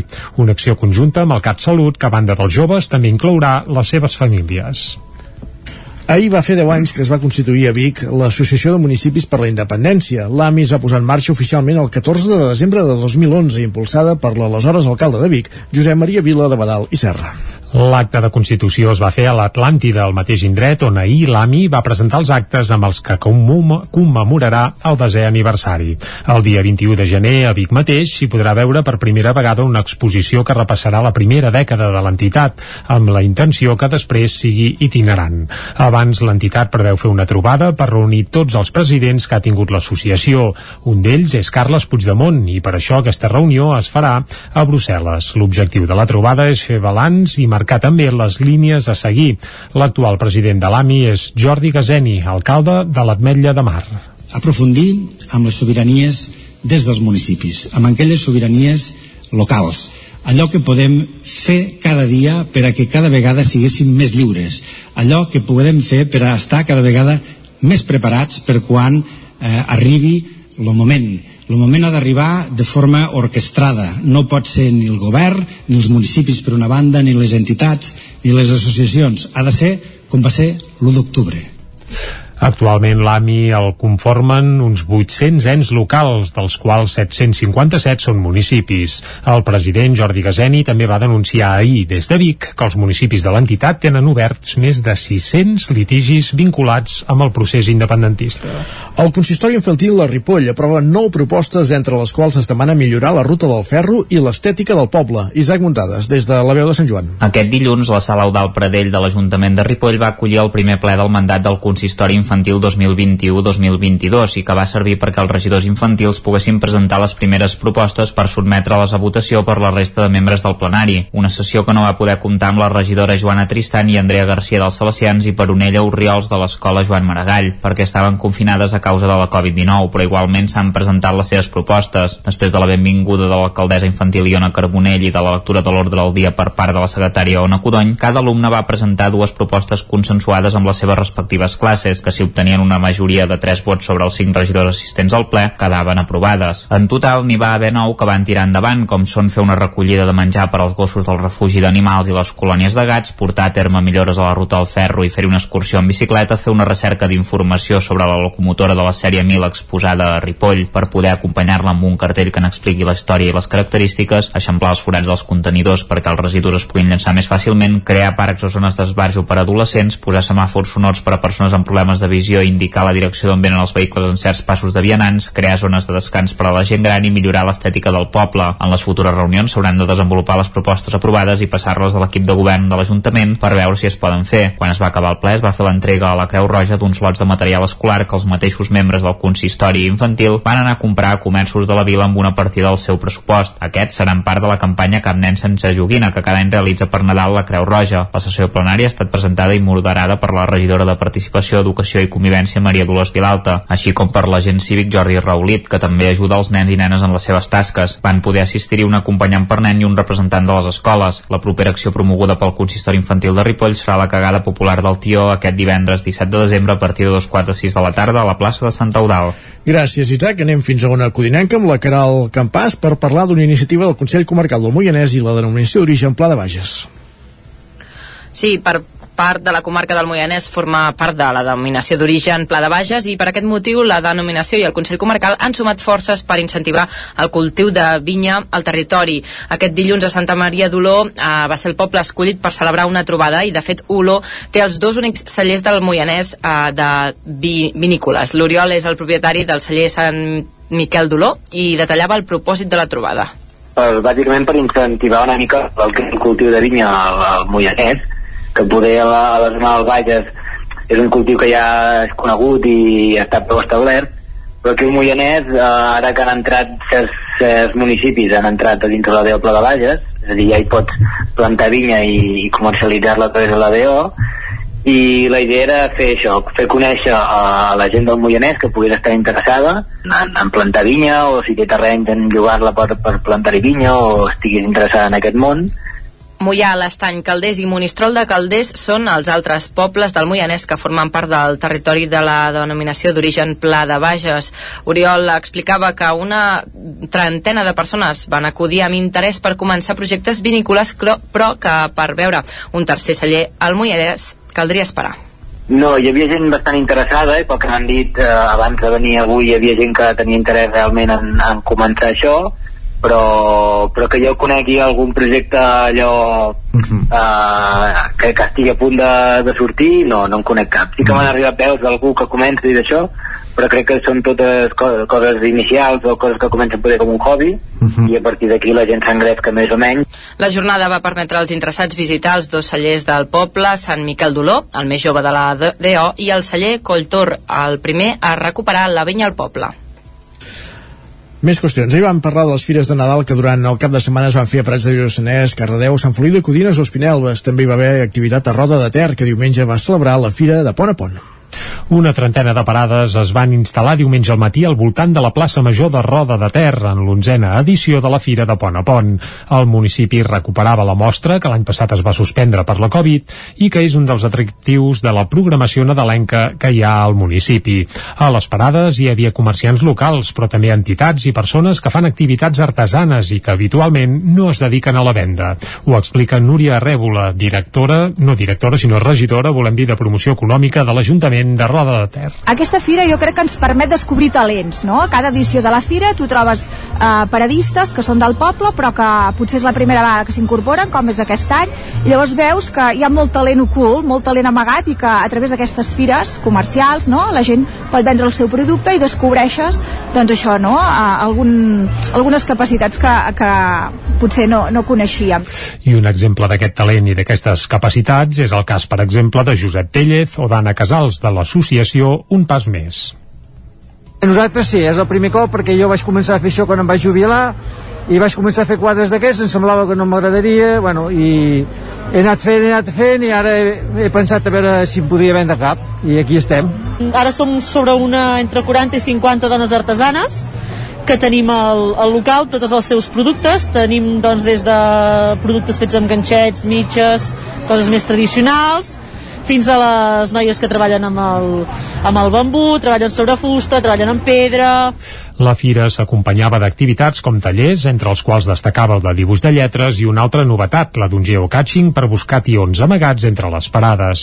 La jornada va començar amb una despertada a càrrec dels Diables del Pont Vell, que al migdia van fer ballar el peix de foc a la plaça, on també van ballar els gegants. La, pro la programació de la fira de Pont a Pont va continuar a la tarda, ja sense les parades, amb un concert de Nadales. Una altra de les fires vinculades al Nadal que es va fer el cap de setmana va ser la de Taradell, que diumenge va celebrar la 45a edició de la Fira de Santa Llúcia. La proposta, amb una seixantena de parades, es va desplegar en el seu format habitual al voltant de la capella. Parades amb tot tipus de productes omplien aquest diumenge la plaça de Santa Llúcia i la del Gili de Taradell. Després d'un any d'aturada obligada, el municipi recuperava la Fira de Santa Llúcia, que celebrava la 45a edició i que es feia, com sempre, al voltant de la capella. Dissabte, i com a principal novetat, es van recuperar els focs de gala, una tradició de finals del segle XV per donar la benvinguda a la Fira de Santa Llúcia, que enguany es va fer a ritme de música i danses tradicionals. Ho explica Míriam Rodríguez, regidora de Cultura de l'Ajuntament de Taradell. Antigament s'havia fet a la plaça, plaça, que és aquí una mica més avall, i nosaltres vam intentar recuperar aquesta tradició. La gent del poble reunia, s'encenia una foguera i feien els focs de gala i es ballava al voltant. I així hem fet aquest any, hem recuperat la tradició que abans es feia per Sant Vicenç i per, Sant, per Santa Llúcia i l'hem recuperat aquest any. Diumenge, riuades de gent van passejar per les gairebé 60 parades que omplien el nucli històric de Taradell. A la tarda es va fer el tradicional berenar i tallers infantils i a la plaça de les Eres, els més petits del poble van poder lliurar la carta dels Reis als patges reials. Els actes nadalencs a Taradell es reprendran el proper dia 25 amb l'exposició del pessebre de Joan Blancafort a la capella de Santa Llúcia, una mostra que es podrà veure fins al dia 30. L'historiador de Llinars del Vallès, Jesús Alturo, rep la Creu de Sant Jordi. La distinció l'ha rebut per la seva contribució en l'àmbit de la paleografia, la cadicologia i la diplomàtica i les seves aportacions a la història de la literatura i l'art medieval de Catalunya. Núria Lázaro, des de Ràdio Televisió de Cardedeu. Jesús Alturo i Perucho ha estat un dels 20 guardonats de la Generalitat de Catalunya amb la Creu de Sant Jordi i que li ha sigut lliurada aquest dilluns a la tarda en un acte celebrat a Barberà del Vallès. El paleògraf, filòleg i historiador de Llenes del Vallès l'ha rebuda per la seva contribució a l'àmbit de la paleografia, codicologia i diplomàtica i les seves aportacions capdals a la història de la literatura i l'art medieval del període romànic de Catalunya. La seva tasca de recuperació, estudi, conservació i difusió del patrimoni bibliogràfic i documental català, així com les seves nombroses recerques i publicacions amb descobertes inèdites han contribuït de manera decisiva al reconeixement internacional de la personalitat històrica del nostre país i l'han fet mereixedor d'un gran prestigi professional, tant en l'àmbit nacional com entre la comunitat científica internacional. A més a més, forma part dels organismes més rellevants del seu camp a escala mundial. Gràcies, Núria. Acabem aquí aquest repàs informatiu que començàvem al punt de les 11 i hem fet en companyia de Núria Lázaro, Caral Campàs, Isaac Muntades i Jordi Sunyer. Moment ara mateix, quan falta un minut perquè sigui un quart de dotze, d'anar cap al Lletra Ferits.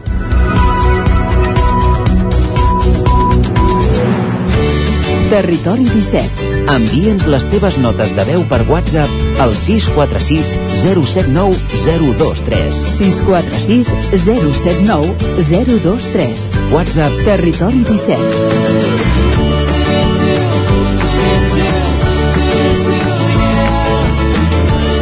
Territori 17. Som a Facebook, Twitter i Instagram amb l'usuari Territori 17.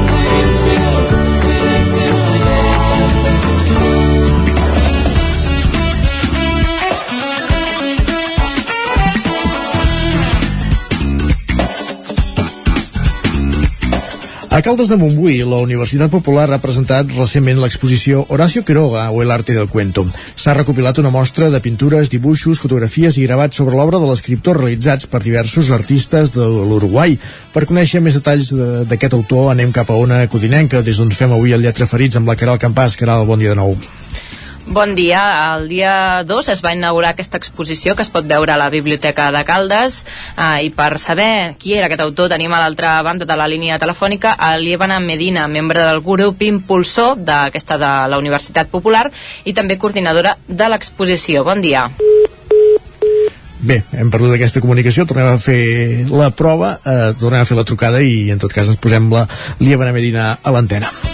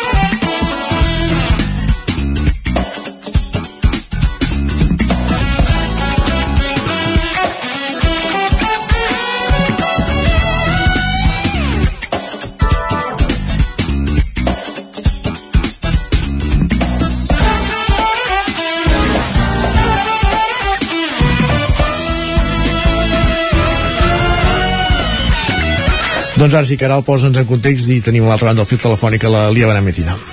Sí, uh, volem parlar doncs, d'aquesta doncs, exposició sobre Horacio Quiroga, que es pot veure a la Biblioteca de Caldes. Bon dia, Liebana. Bon dia, què tal? Bon dia, moltes gràcies per atendre'ns. Uh, volem saber primer per què vau decidir impulsar no, des de la Universitat Popular aquesta mostra sobre l'escriptor uruguaià. Bé, eh, eh, hem tingut una proposta de la, el consulat uruguaià de, a Barcelona i s'ha dit de, de fer aquesta mm, exposició ja fa dos anys i per motiu de la pandèmia no s'ha pogut fer i ara l'engeguem ara mateix i, i, i ja ha anat molt bé. Uh -huh. Uh, la presentació el passat dijous va comptar amb el cònsul uruguaià Pedro Valenzuela i altres convidats. Com, com va anar aquesta presentació?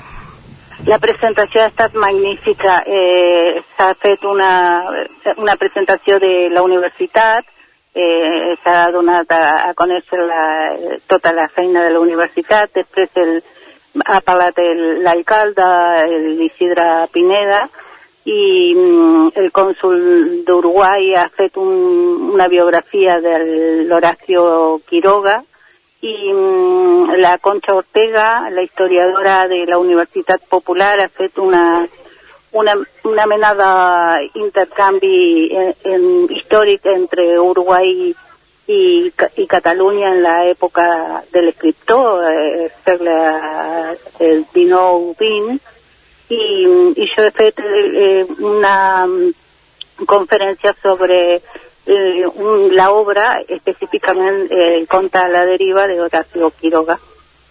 Uh -huh. uh, vau mostrar no, tres visions sobre la figura i obra de Quiroga. Uh, ens les pots detallar, aquestes tres visions que es van mostrar a la inauguració? És clar. Eh, per, un, per una banda el, tenim l'Horacio Quiroga, escriptor, en, en la que té una narrativa eh, una mica fosca, diguem, no? una narrativa de, eh, molt semblant a la d'Edgar Allan Poe, però m- més aviat eh, sense morbo, l'amor sense morbo. I, mm, i hem tractat tota la, la, la parte de l'obra adulta, diguem-ne. I mm, al, per una altra banda hem vist el, el Horacio Quiroga como, eh, como home de- d'acció, de, és- de acció social, que ha posat en marxa una associació de ciclistes perquè l'agradava el ciclisme, una, eh, la, la vessant literària eh, fent el, la inauguració de, d'un cercle d'estudis literaris en, en dues oportunitats, totes a Montevideo i a Salto. I després eh, ha, ha treballat a Argentina com, com a fotògraf i mm, amb Leopoldo Lugones i, i després ha marxat a Missiones on ha fet tota la, la seva vida fins a, a pocs mesos, mesos abans de morir. Posa'ns una mica... Ai, perdó, digues, digues. Sí, no, no, no, tranquil, sí. No, anava a preguntar, posem una mica de, de context, la pregunta és òbvia i senzilla per, per tu, Liebana. Eh, Explica'ns qui era qui, Horacio Quiroga, abans de continuar. Horacio Quiroga era un escriptor uruguaià eh, nascut a Salto i que ha desenvolupat la seva primera vida literària a Montevideo. Eh, ha, ten, ha tingut una, una vida molt dura eh, perquè va patir la mort del seu pare al, ja, quan ell encara no caminava, després van morir germans, eh, padrastre i, i bé, moltes morts a la família, estava envoltat de mort, després fills i dones i això. I més a més eh, va, ell accidentalment va matar el seu amic, el Ferrando, i que també integrava el, el, el cercle de, del gai saber, i mm, eren escriptors tots i va, el va matar accidentalment i, i, i això lo va enfonsar i va marxar a, a Buenos Aires per fer la vida allà i bé, eh, per tant crec que la, la seva obra està signada per, per, aquesta, per aquestes coses, per aquests fets eh, de mort que mm, le, le han signat la vida.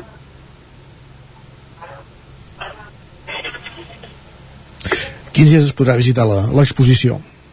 fins al el 18 de desembre. Uh -huh. uh, estem el, els últims dies. Av- Avui, aquest matí, he, he fet una visita guiada i, i comptes eh, eh, als nens de sisè de l'escola del Calderí. Ha estat molt bé, molt participatiu i les ha agradat i, i crec que mm, la, la, la visita aquí a l'exposició està mm, molt bé, agrada perquè hi- hi ha de, dels contes de l'artista uruguaiana i, i hi ha alguna pintura també i fotografies Ara ho deies, avui heu fet una visita, per tant també s'organitzen visites guiades per grups. Com, com, com es gestionen? Com s'ha de fer per, per fer aquestes visites per grups? Bé, eh, ja estaven programades perquè l'espai horari de, de la biblioteca és molt curt i per tant no, no teníem espai permès i hem fet eh, aquestes visites guiades per avui dimecres que eh, a la tarda farà eh, el grup de, de dones de, de Caldes de Montbui fa, faran la visita, eh, vindran a visitar l'exposició. Perfecte, doncs aquesta exposició que podem visitar a Caldes de, de Montbui eh, per conèixer la figura d'Horacio Quiroga que s'inaugurava el dijous de la setmana passada que es pot visitar durant aquest mes de desembre ens deies fins al dia 18 i en parlàvem amb una de les impulsores de- d'aquesta iniciativa de Liebana Medina moltíssimes gràcies per ser avui aquí amb nosaltres Eh, Moltíssimes gràcies a Territori 17. vosaltres. Adéu, moltes gràcies. Bon dia. Bon...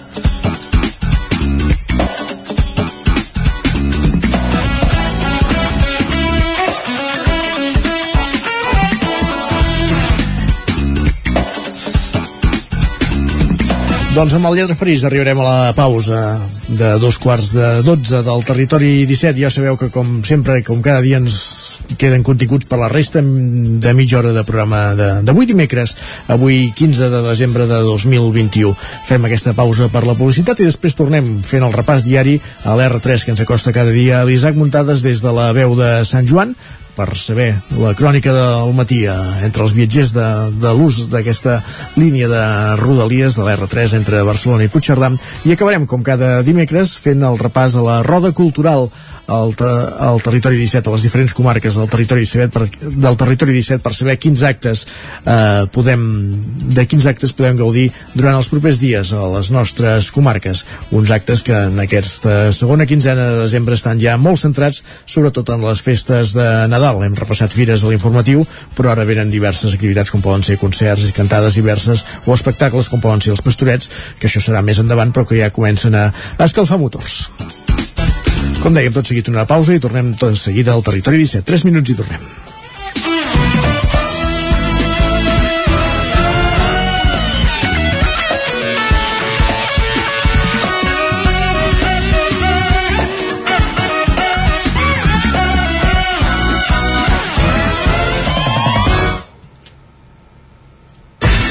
El nou FM, la ràdio de casa, al 92.8. El racó de León. Gaudeix de la nostra terrassa. Vine a tastar les xuletilles de lechal a la brasa amb una bona amanida o el xuletón de vedella gallega. No et pots perdre el nostre lechado de Castilla al forn o el cochinillo a l'estil de Segovia. Tot acompanyat del millor celler, al menjador o fora la terrassa. Descobreix la millor cuina de Lleó sense moure't de casa. Vine amb la família, els amics, la parella o sol. T'encantarà. El racó de León, cuina tradicional lleonesa i de mercat. Som al carrer Torelló número 35 de Vic. Per reserves, telèfon 93 889 1950. El racó de León, una cuina diferent. Som especialistes en cargols a la llauna. Vine a tastar-los al racó de León. Saps què és el confort intel·ligent? És tenir un terra radiant Giacomini a casa. Benestar que no es veu, però es nota tot l'any. I que pots controlar a distància des del teu mòbil, estalviant energia i diners. Suma't al confort intel·ligent amb Giacomini. Informa't a giacomini.es o truca al 93 884 1001 i t'ajudarem a tenir un terra radiant a casa o a l'oficina. Giacomini, la climatització que et mereixes. A la botiga Ànima Records de Vic hi trobaràs tota mena de regals originals i personalitzats, productes artesans i de proximitat. Podràs escollir entre un munt de pessebres i gegants de tot Catalunya. Si has de fer un regal especial, tradicional o cultural, vine a veure'ns a la botiga Ànima, a la plaça del Pes número 5 de Vic o truca'ns al 93 511 0385. També pots comprar des de la nostra pàgina web. La botiga Ànima us desitja bones festes. Cefusol, centre de formació de soldadura GURB. Som especialistes en processos de soldadura. Disposem d'instal·lacions totalment equipades per classes de teòrica i pràctica amb cabines individuals i equipaments de seguretat. Assessorem empreses i oferim cursos subvencionats i bonificats. Vine i t'informarem. Cefusol, som al carrer Sant Roc número 21 de GURB. Telèfon 664 206 192. També ens trobaràs a cefusol.com i a YouTube. Can Xalant obrim un any més el nostre estudi per les vostres sessions de fotos de Nadal. Crea les teves postals amb el fons que més t'agradi per 19 euros l'hora. I si vols fer-te fotos amb el nostre fotògraf, només 69 euros l'hora amb 10 fotos editades. Can Xalant, carrer Sant Tomàs 4 de Call d'Atenes. Contacta'ns al 616 04 02 96. Can Xalant us desitja bones festes. El nou FM, el nou FM, el nou FM, el nou FM, el nou FM. Territori 17 A Tren d'Alba. Cada dia els usuaris de la línia R3 de Rodalies que veuen sortir el sol des d'un vagó ens expliquen les gràcies i les penes del primer comboi que uneix Ripoll i Barcelona. Benvinguts a Tren d'Alba. El col·lectiu Perquè no ens fotin el tren va celebrar que aquest dilluns, després de tot el cap de setmana amb el tren blanc funcionant, van sortir els horaris actualitzats de l'R3, una mica tard, però val més tard que mai. També van celebrar que no se suprimís cap servei habitual, però van assegurar que vetllarien perquè segueixi així i que s'assignin els trens amb seients tous i portaesquís, que si és el tren blanc per anar a esquiar, com a mínim que els esquiadors no hagin de deixar els esquís de qualsevol manera pel comboi. Ara bé, el col·lectiu sí que va picar una mica el crustó a Rodalies i al Departament de Territori i els hi va indicar que s'havien descuidat d'informar informar que hi ha servei alternatiu amb autobús entre les franqueres del Vallès i la Garriga dels trens amb inici i final en aquesta estació. Va, que us deixo amb la crònica de la nostra estimada Glòria Francolí. Hola, molt bon dia. Aquí la Glòria des de Barcelona. Avui, per arribar-hi, ha sigut una odissea. Us ho explico. Ha resultat que l'autobús que passa per Torelló a dos quarts de sis del matí no ha passat. Segurament l'autobús s'ha dormit o vés a saber, però la qüestió ha sigut que quan eren pràcticament 38 a les, sí, a les 5 i 38 amb la gent que érem a, a, la, a la parada de bus hem decidit que ja no passaria i també hem decidit que anàvem a agafar el tren. Llavors de pressa i corrents hem pujat a l'estació per sort hem arribat a temps per poder-lo agafar i un cop a l'estació sí, sí, ha passat el tren i hem anat, jo he baixat llavors a Vic i a Vic ja he seguit el recorregut de sempre d'agafar el bus ràpid fins a Barcelona he arribat, aquests busos van bastant bé, amb una horeta, una mica menys d'una horeta ja he arribat a la ciutat i després el que m'he trobat és molta, molta, molta, molta, molta, molta, molta gent, tant els metros com el bus, com tot planat. El resum de tot és que he arribat mitja hora més tard a l'oficina, però bé, podria haver sigut molt pitjor perquè imagineu-vos que hagués perdut el tren, imagineu-vos que el tren s'hagués espatllat com ha passat algun dia a mig camí, en fi, que estic rendida, però ara em poso a treballar. Vinga, fins ara. Ja si el primer bus no funciona, recórrer el tren per tornar a agafar el bus s'acaba semblant un acudit. Quin desastre el transport públic. Si és que al final s'haurà d'anar amb cotxe privat fins a Barcelona per ser a temps als llocs i no dependre exclusivament dels horaris de tercers. Va, ens retrobem demà amb més històries del tren i de la R3. Ara en cotxe privat, Isaac, però no et garanteix arribar a l'hora al lloc. De fet, tampoc, eh? més quan vas a Barcelona. En fi, gràcies un dia més per la crònica de l'R3. Anem cap al repàs cultural. Territori 17 el 9 FM, la veu de Sant Joan, Ona Codinenca, Ràdio Cardedeu, Territori 17.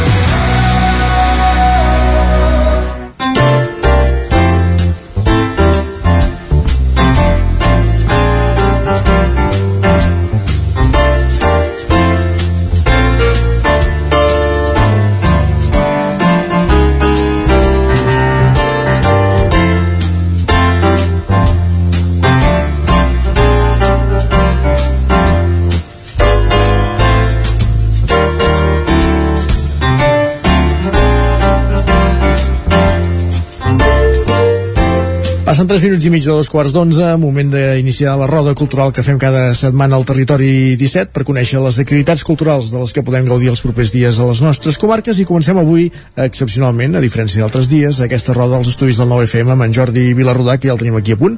Jordi, bon dia. Hola, molt bon dia. Què tal, com estem? Què ens expliques per els propers dies, per aquest cap de setmana? De quins espectacles podem gaudir? A veure, doncs ja comencem a veure el que serien els concerts de Nadal, o més relacionats amb Nadal, mm, i a més a més moltes altres coses. Però, de totes maneres, doncs, eh, en destaquem un eh, d'entre tota la programació que hi ha, perquè és molt més que un concert de Nadal. És el concert que faran aquest dissabte el, la Coral El Cor Nàiades, eh, que a més a més de ser concert de Nadal, faran a Manlleu aquest concert, és el concert de celebració del seu 20è aniversari. Ja fa 20 anys que es va crear aquest cor de veus femenines que ha anat seguint una trajectòria estable, constant i a més a més de progressió, eh, eh, malgrat que també és un cor d'aquests en què hi ha molt relleu generacional, o sigui que les veus van canviant, però tot i això ha mantingut una estabilitat en quant quant a exigència, a nivell, el va dirigir primer l'avui a Reixac, ara, que va ser de fet la fundadora, i ara el dirigeix eh, en Ferran Albric, i aquest dissabte farà un concert a l'Església de Manlleu, que serà el de celebració del 20è aniversari, en què l'acompanyaran altres corals, també, o sigui, no hi haurà només el Naia d'Escor de Noies, sinó també Coral Aglepta, Cor Exaudio i la Camerata Penedès, eh, pel que fa a la part musical, cors d'altres llocs de Catalunya, i que reforçaran les veus de Nàiades també per l'estrena, eh, perquè aquesta és una altra de les notícies inclosa en aquest concert, eh, que dintre del, progr de, del programa, dintre del repertori, s'estrena una obra. S'estrena una obra que és d'en Jordi Domènech, també, del cantant operístic i compositor eh, manlleuenc Jordi Domènech que és Il Pianto de la Madonna. Per tant eh, és un concert amb doble motiu per anar-hi eh, que seria per una part aquest d'acompanyar el Naia d'Escor de Noies en la celebració del seu 20è aniversari i a la vegada també assistir a l'estrena d'aquesta obra d'en Jordi Domènech. Això serà a l'Església Santa Maria de Manlleu el dissabte a les 9 del vespre. Per tant hem destacat aquest com a en fi, per, perquè és extraordinari aquest fet doncs que eh, Naia d'Escor de Noies ja hagi arribat doncs, aquests 20 anys. Eh, anem per repassar altres coses que passen al cap de setmana. Per exemple, a l'Atlàntida també hi ha, d'alguna manera, també és un aniversari, perquè torna, tres anys després de que es va estrenar l'Atlàntida, una obra de teatre que va tenir molt d'èxit, que és AK. Uh, AK uh, són les inicials en anglès de Also Known As, o sigui, també conegut com, uh, seria la traducció al català.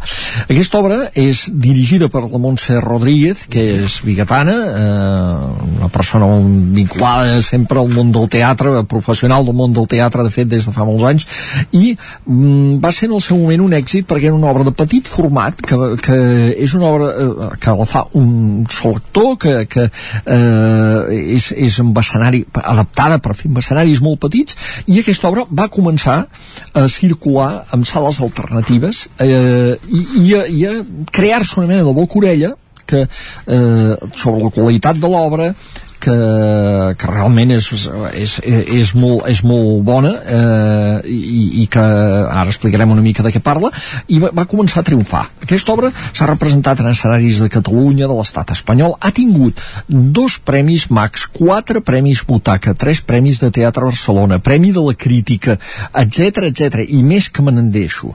Eh, i, i és una obra que parla eh, protagonitza un jove mm, que, que parla de la identitat societat, de l'encaix dels joves en aquesta societat, potser per això ha triomfat, perquè ha connectat amb una part del públic, parla del racisme, parla dels primers amors, de l'adolescència, de les xarxes socials, i també, perquè hi és eh, un tema nuclear dintre de l'obra, l'adopció, la pertinença, el sentiment de pertànyer a una família, un grup, un col·lectiu. Eh, aquí va començar doncs, amb un actor, que era en el seu moment l'Albert Salazar, a mitja trajectòria de l'obra, per necessitats que aquest actor feia altres coses, va haver de substituir un altre, un actor menorquí que es diu Lluís Febrer, també jove, i és un text del Daniel Meyer eh, que com dèiem l'ha posat en escena la Montse Rodríguez i que torna a l'Atlàntida perquè qui no el va poder veure en aquell moment o pugui tornar a veure el divendres a les 8 de vespre a la sala Joaquim Maideu. És molt recomanable, de debò. Eh, després el mateix divendres també tenim a les Jazz Cava de fet, eh, aquesta obra ACA es va preestrenar a l'Atlàntida. Vull sí, que és una mica tornar al Born eh? És, eh, exactament, exactament és això exactament. Va ser la primera representació a l'escenari de la sala gran o sigui, Correcte, va ser, sí, sí. va ser a, a, a darrere l'escenari de fet amb un espai creat allà i, i com gairebé com una cosa experimental. I, i després això comença a circular i comença a guanyar tots aquests premis que hem dit. Um, dèiem també que el mateix divendres a les 10 de la nit en aquest cas a la Jazz Cava hi ha l'actuació de Siuret que és Antoni Serrat eh, percussionista, bateria que aprofitant el confinament també durant aquells mesos va gravar un disc eh, en què que de fet és el seu primer disc personal Antoni Serrat és un músic extraordinari que ha acompanyat doncs, a part de la seva germana Joana Serrat doncs, a molts altres músics que eh, ha fet moltes coses però que no havia fet mai res pel seu compte que és una mm, percussió i electrònica una creació molt personal.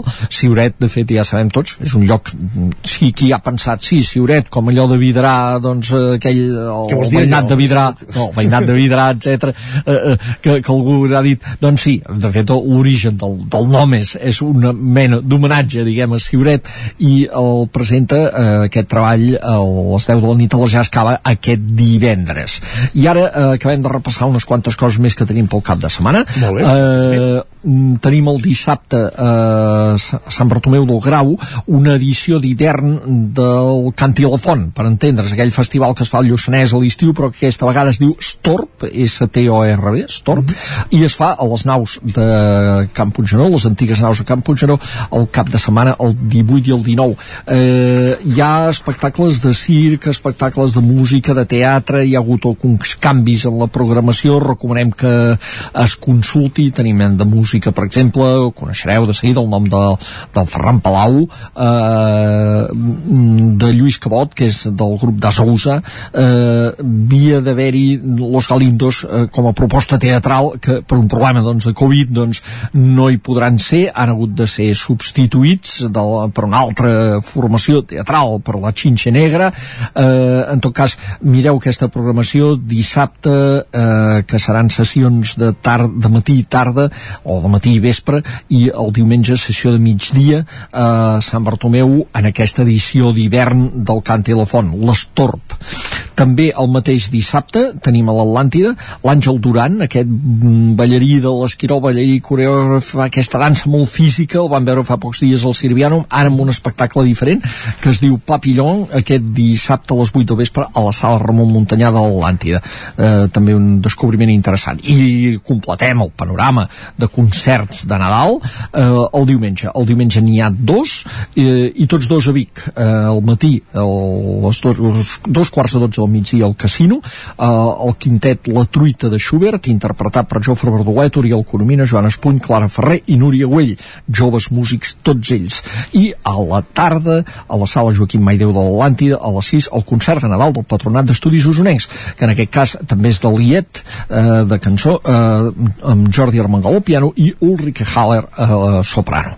I aquest seria més o menys el panorama per aquest cap de setmana ja doncs molt de ressona de l'any af afegint també els retorns que s'estrenava cap de setmana passat al Museu de la Torneria de Torelló que, que, que torna, torna, que torna aquest cap de setmana coincidint amb la Fira Toca Fusta i del qual parlàvem ahir amb el director del museu evidentment, evidentment que es torna a representar i també un espectacle que, que val la pena dir una cosa que ningú pensi que és la visita guiada al No, museu no, no, no. és un espectacle és un espectacle i eh, més a Que més transcorre pel museu. publicàvem la referència dilluns al 9-9 i molt interessant.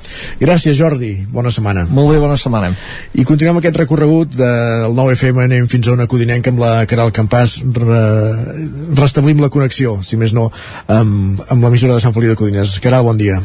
Bon dia, doncs, doncs nosaltres aquí també tenim molt ressona d'elenc i molts concerts de Nadal. Doncs va. Um, mira, a Caldes de Montbui aquest divendres uh, des de l'Escola Municipal de Música Joan Valls han organitzat uh, un concert d'agrupacions instrumentals a la biblioteca a dos quarts de vuit del vespre i diumenge a les 12 uh, uh, ens porten no, la, la llegenda d'en Serrallonga, que és un projecte interdisciplinar de música i teatre sobre la vida de Joan Serrallonga a càrrec de l'aula de violoncel d'aquesta escola també de música municipal Joan Valls.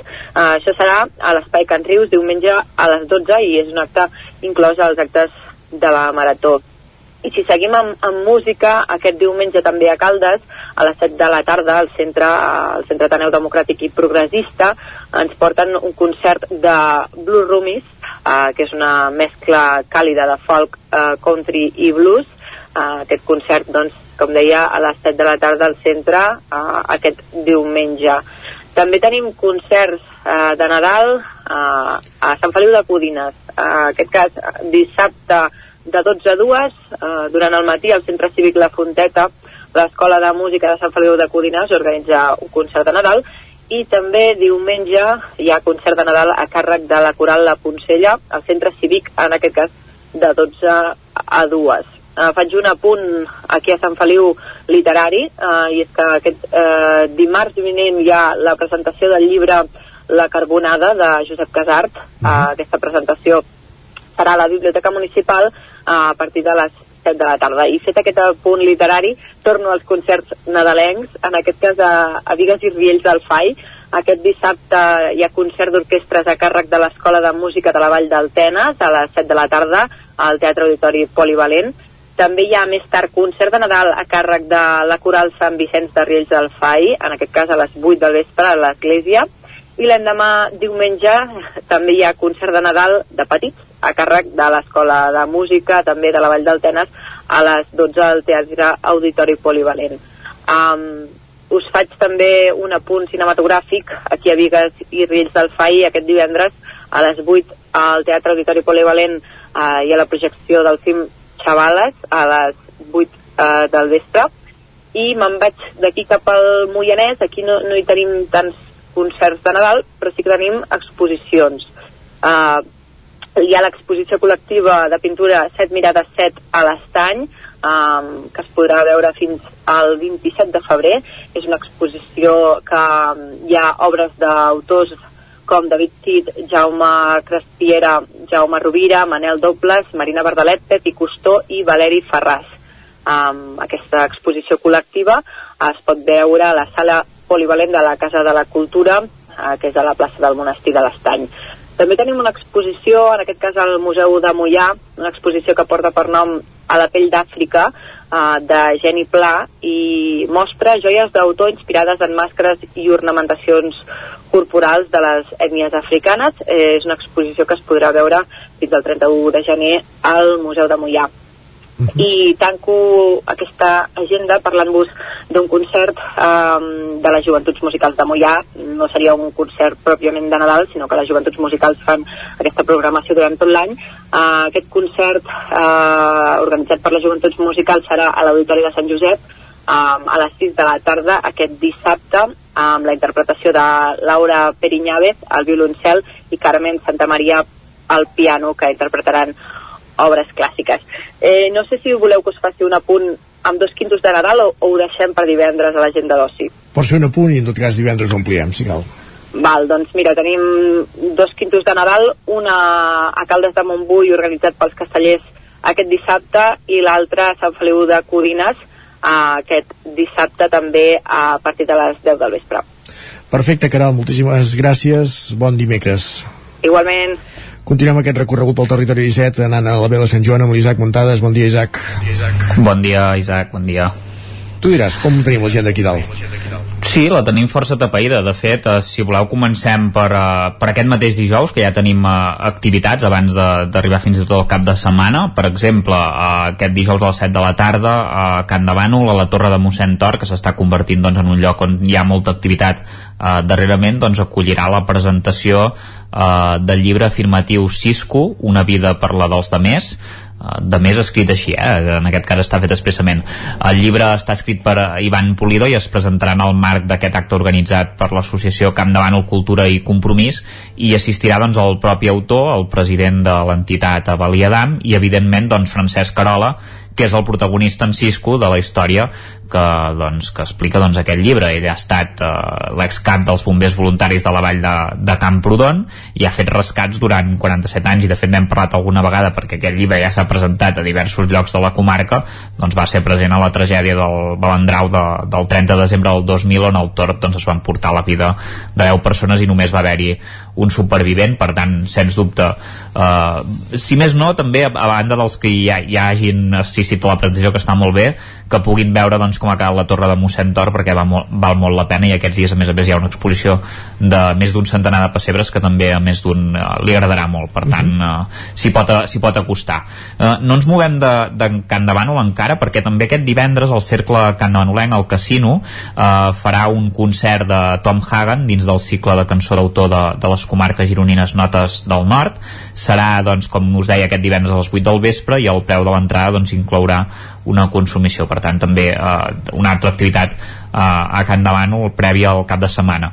Eh, pel cap de setmana també us recomano, ens movem cap a Sant Joan de les Abadeses, al, al Palau de l'Abadia ja fa uns dies que s'ha inaugurat l'exposició a punts d'anatomia, que és una exposició singular on s'hi exposen les obres de, de l'artista contemporani Pep Admetlla, que ha pintat una sèrie d'obres inspirades doncs, en dibuixos anatòmics i, i les seves obres s'encaren doncs, en figures anatòmiques del segle XIX procedents de la col·lecció del Museu d'Història de la Medicina de, de Catalunya. Per tant, tenim la, la pintura diguéssim de, de Pep Ametlla i al costat doncs com, com és doncs, aquesta figura anatòmica feta diguéssim per, per, a, per un metge no? diguéssim, per dir-ho d'alguna manera uh, el gironí Pep Ametlla va cursar estudis d'Història de, de l'Art a la Universitat de Girona també té màster de disseny industrial i desenvolupament del producte uh, és una persona doncs, molt, amb molta trajectòria i l'any 1988 també va rebre algun reconeixement com uh, la beca d'actitudes de, de l'Institut de la Joventut del Ministeri de Cultura i per tant doncs, és una persona molt, molt reconeguda i sens dubte aquesta exposició uh, doncs està,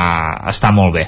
Uh, no ens movem encara de Sant Joan de les Abadeses perquè una de les primeres propostes nadalenques d'aquest any al municipi és la d'aquest diumenge en què hi haurà un concert de Nadales de jazz amb Swing Boys, Jazz Quartet i Sophie Allen, que ara doncs, estan fent una mica de, de ruta per tota la, la comarca, ja també van estar fa uns dies a, a Ripoll, però també a, a Camp de Bànol, i per tant doncs, faran uh, aquest uh, concert Uh, es, això com us deia eh, el, es farà al Palau de l'Abadia a les 12 del migdia per un preu de 5 euros i les entrades doncs encara es poden adquirir uh, a l'oficina de, de turisme.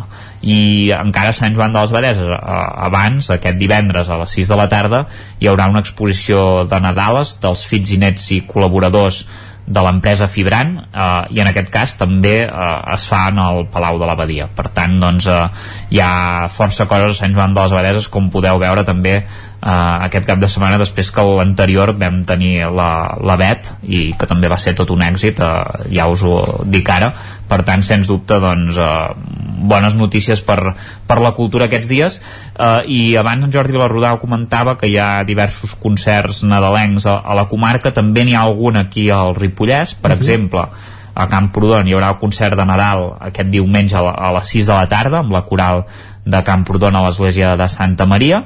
Això és un dels dos concerts que, que tenim. L'altre es fa a Ripoll al Teatre Comtal on hi haurà el 23è concert nadalenc eh, de sardanes amb la copla la principal de la Bisbal a les 6 de la tarda i evidentment doncs, per entrar-hi serà eh, obligatori l'ús de la mascareta. La, a la taquilla les entrades valen 15 euros eh, i 12 per internet també us volia comentar, eh, ens han eh, explicat des del Terra Gullut Film Festival, que ja n'hem parlat també, que ja, ja es va acabar, recordem que ja fa uns mesos que, que es va fer aquest eh, festival amb cinema compromès, eh, de, així eh, socialment, per dir-ho d'alguna manera, i aquest, eh, i aquest any que, que vindrà, doncs, eh, ja de fet ara mateix, comencen una nova etapa amb la de, amb la de distribució de cinema amb algun dels films que han passat per a, per al certamen a través de Gullut Films que és una distribuïdora cinematogràfica doncs, amb la missió de fer arribar a tots els racons, canals i mitjans eh, films amb un contingut social eh, i humanitari compromís. I el primer film que, que distribuiran es diu eh, 15, 15 hores de 15 hores, sí, en castellà en aquest cas és 15 hores, de Judit Colell i s'estrena en aquest cas no aquí al Ripollès, però sí que com que és una productora ripollesa, però d'alguna manera a Barcelona als Boliche Cinemes. Uh, la pel·lícula doncs, eh, serà aquest divendres, eh, com us deia, en aquests cinemes a, a les 8 i és un film que és un drama sobre la violència masclista doncs, en un context de les elites econòmiques i culturals de la República eh, Dominicana i els protagonistes doncs, són un reputat director d'orquestra i, i un violinista. Per tant, aquesta eh, doncs, serà la primera pel·lícula de, de moltes que esperen doncs, eh, portar. Eh? És una pel·lícula que ha guanyat ja eh, quatre premis internacionals. Per tant eh, doncs eh, és una pel·lícula in interessant i el film també ha estat candidat doncs, als premis gaudir, per tant si, si teniu l'ocasió en aquest cas, encara que no sigui el Ripollès, doncs ja que va participar doncs, en el Terra,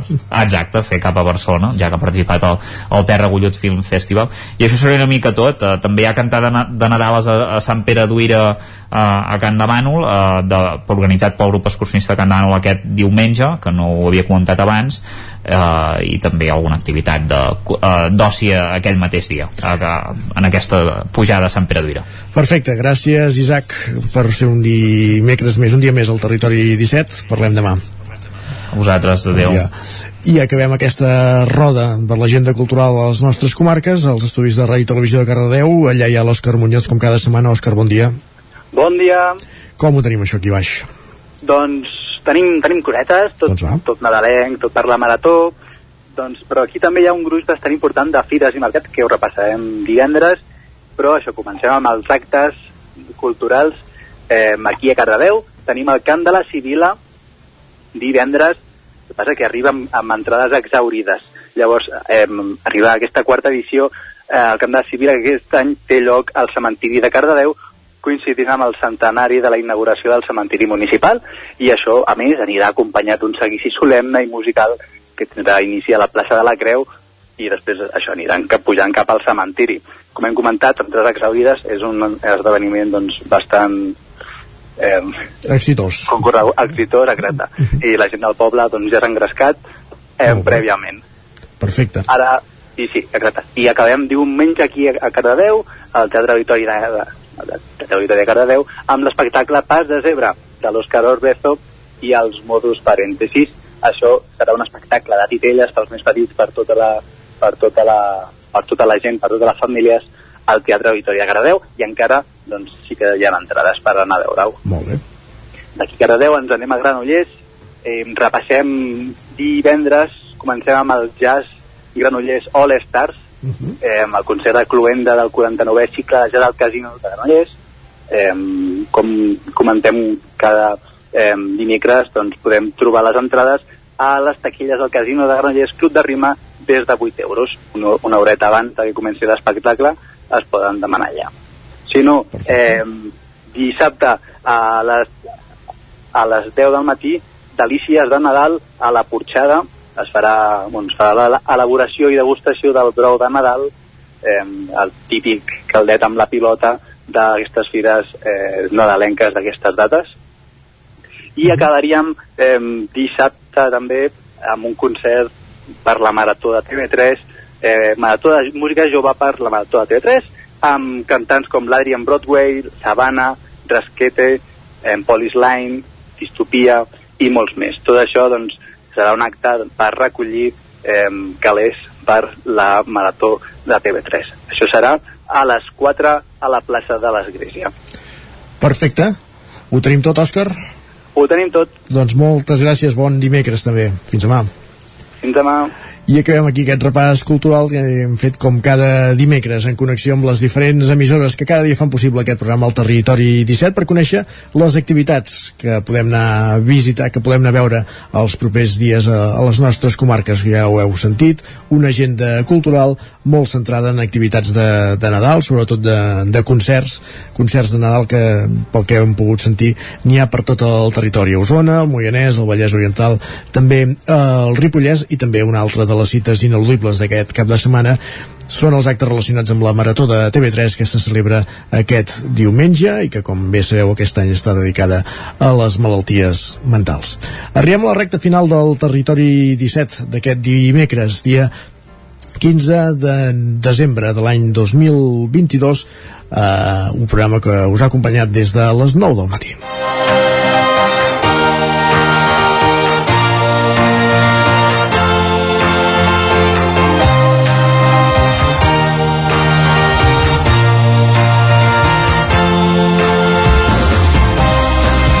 Un programa que ha fet possible des de les 9, com dèiem, avui Pol Baraza, Guillem Freixa, Joan Carles Arredondo, Caral Campàs, Isaac Muntades, Òscar Muñoz, Núria Lázaro, Pepa Costa, Jordi Sunyer i qui us parla Isaac Moreno. I tornarem com sempre demà a la mateixa hora a partir de les 9 a la sintonia de les vostres emissores Zona Codinenca, Ràdio Vic, el 9 FM, Ràdio Cardedeu i la veu de Sant Joan. Fins aleshores, fins demà, que vagi molt bé.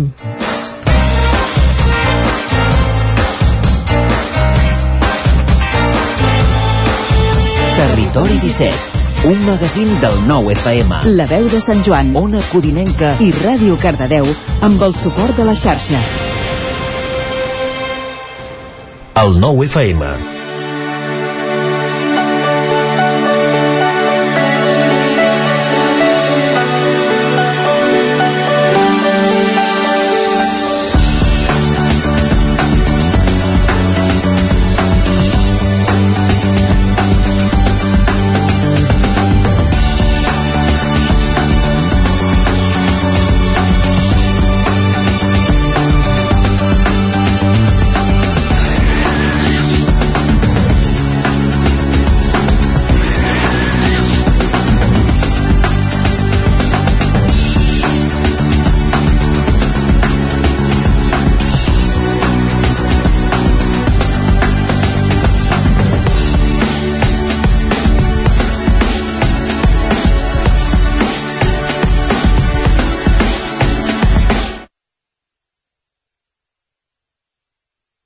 El 9 FM, la ràdio d'Osona.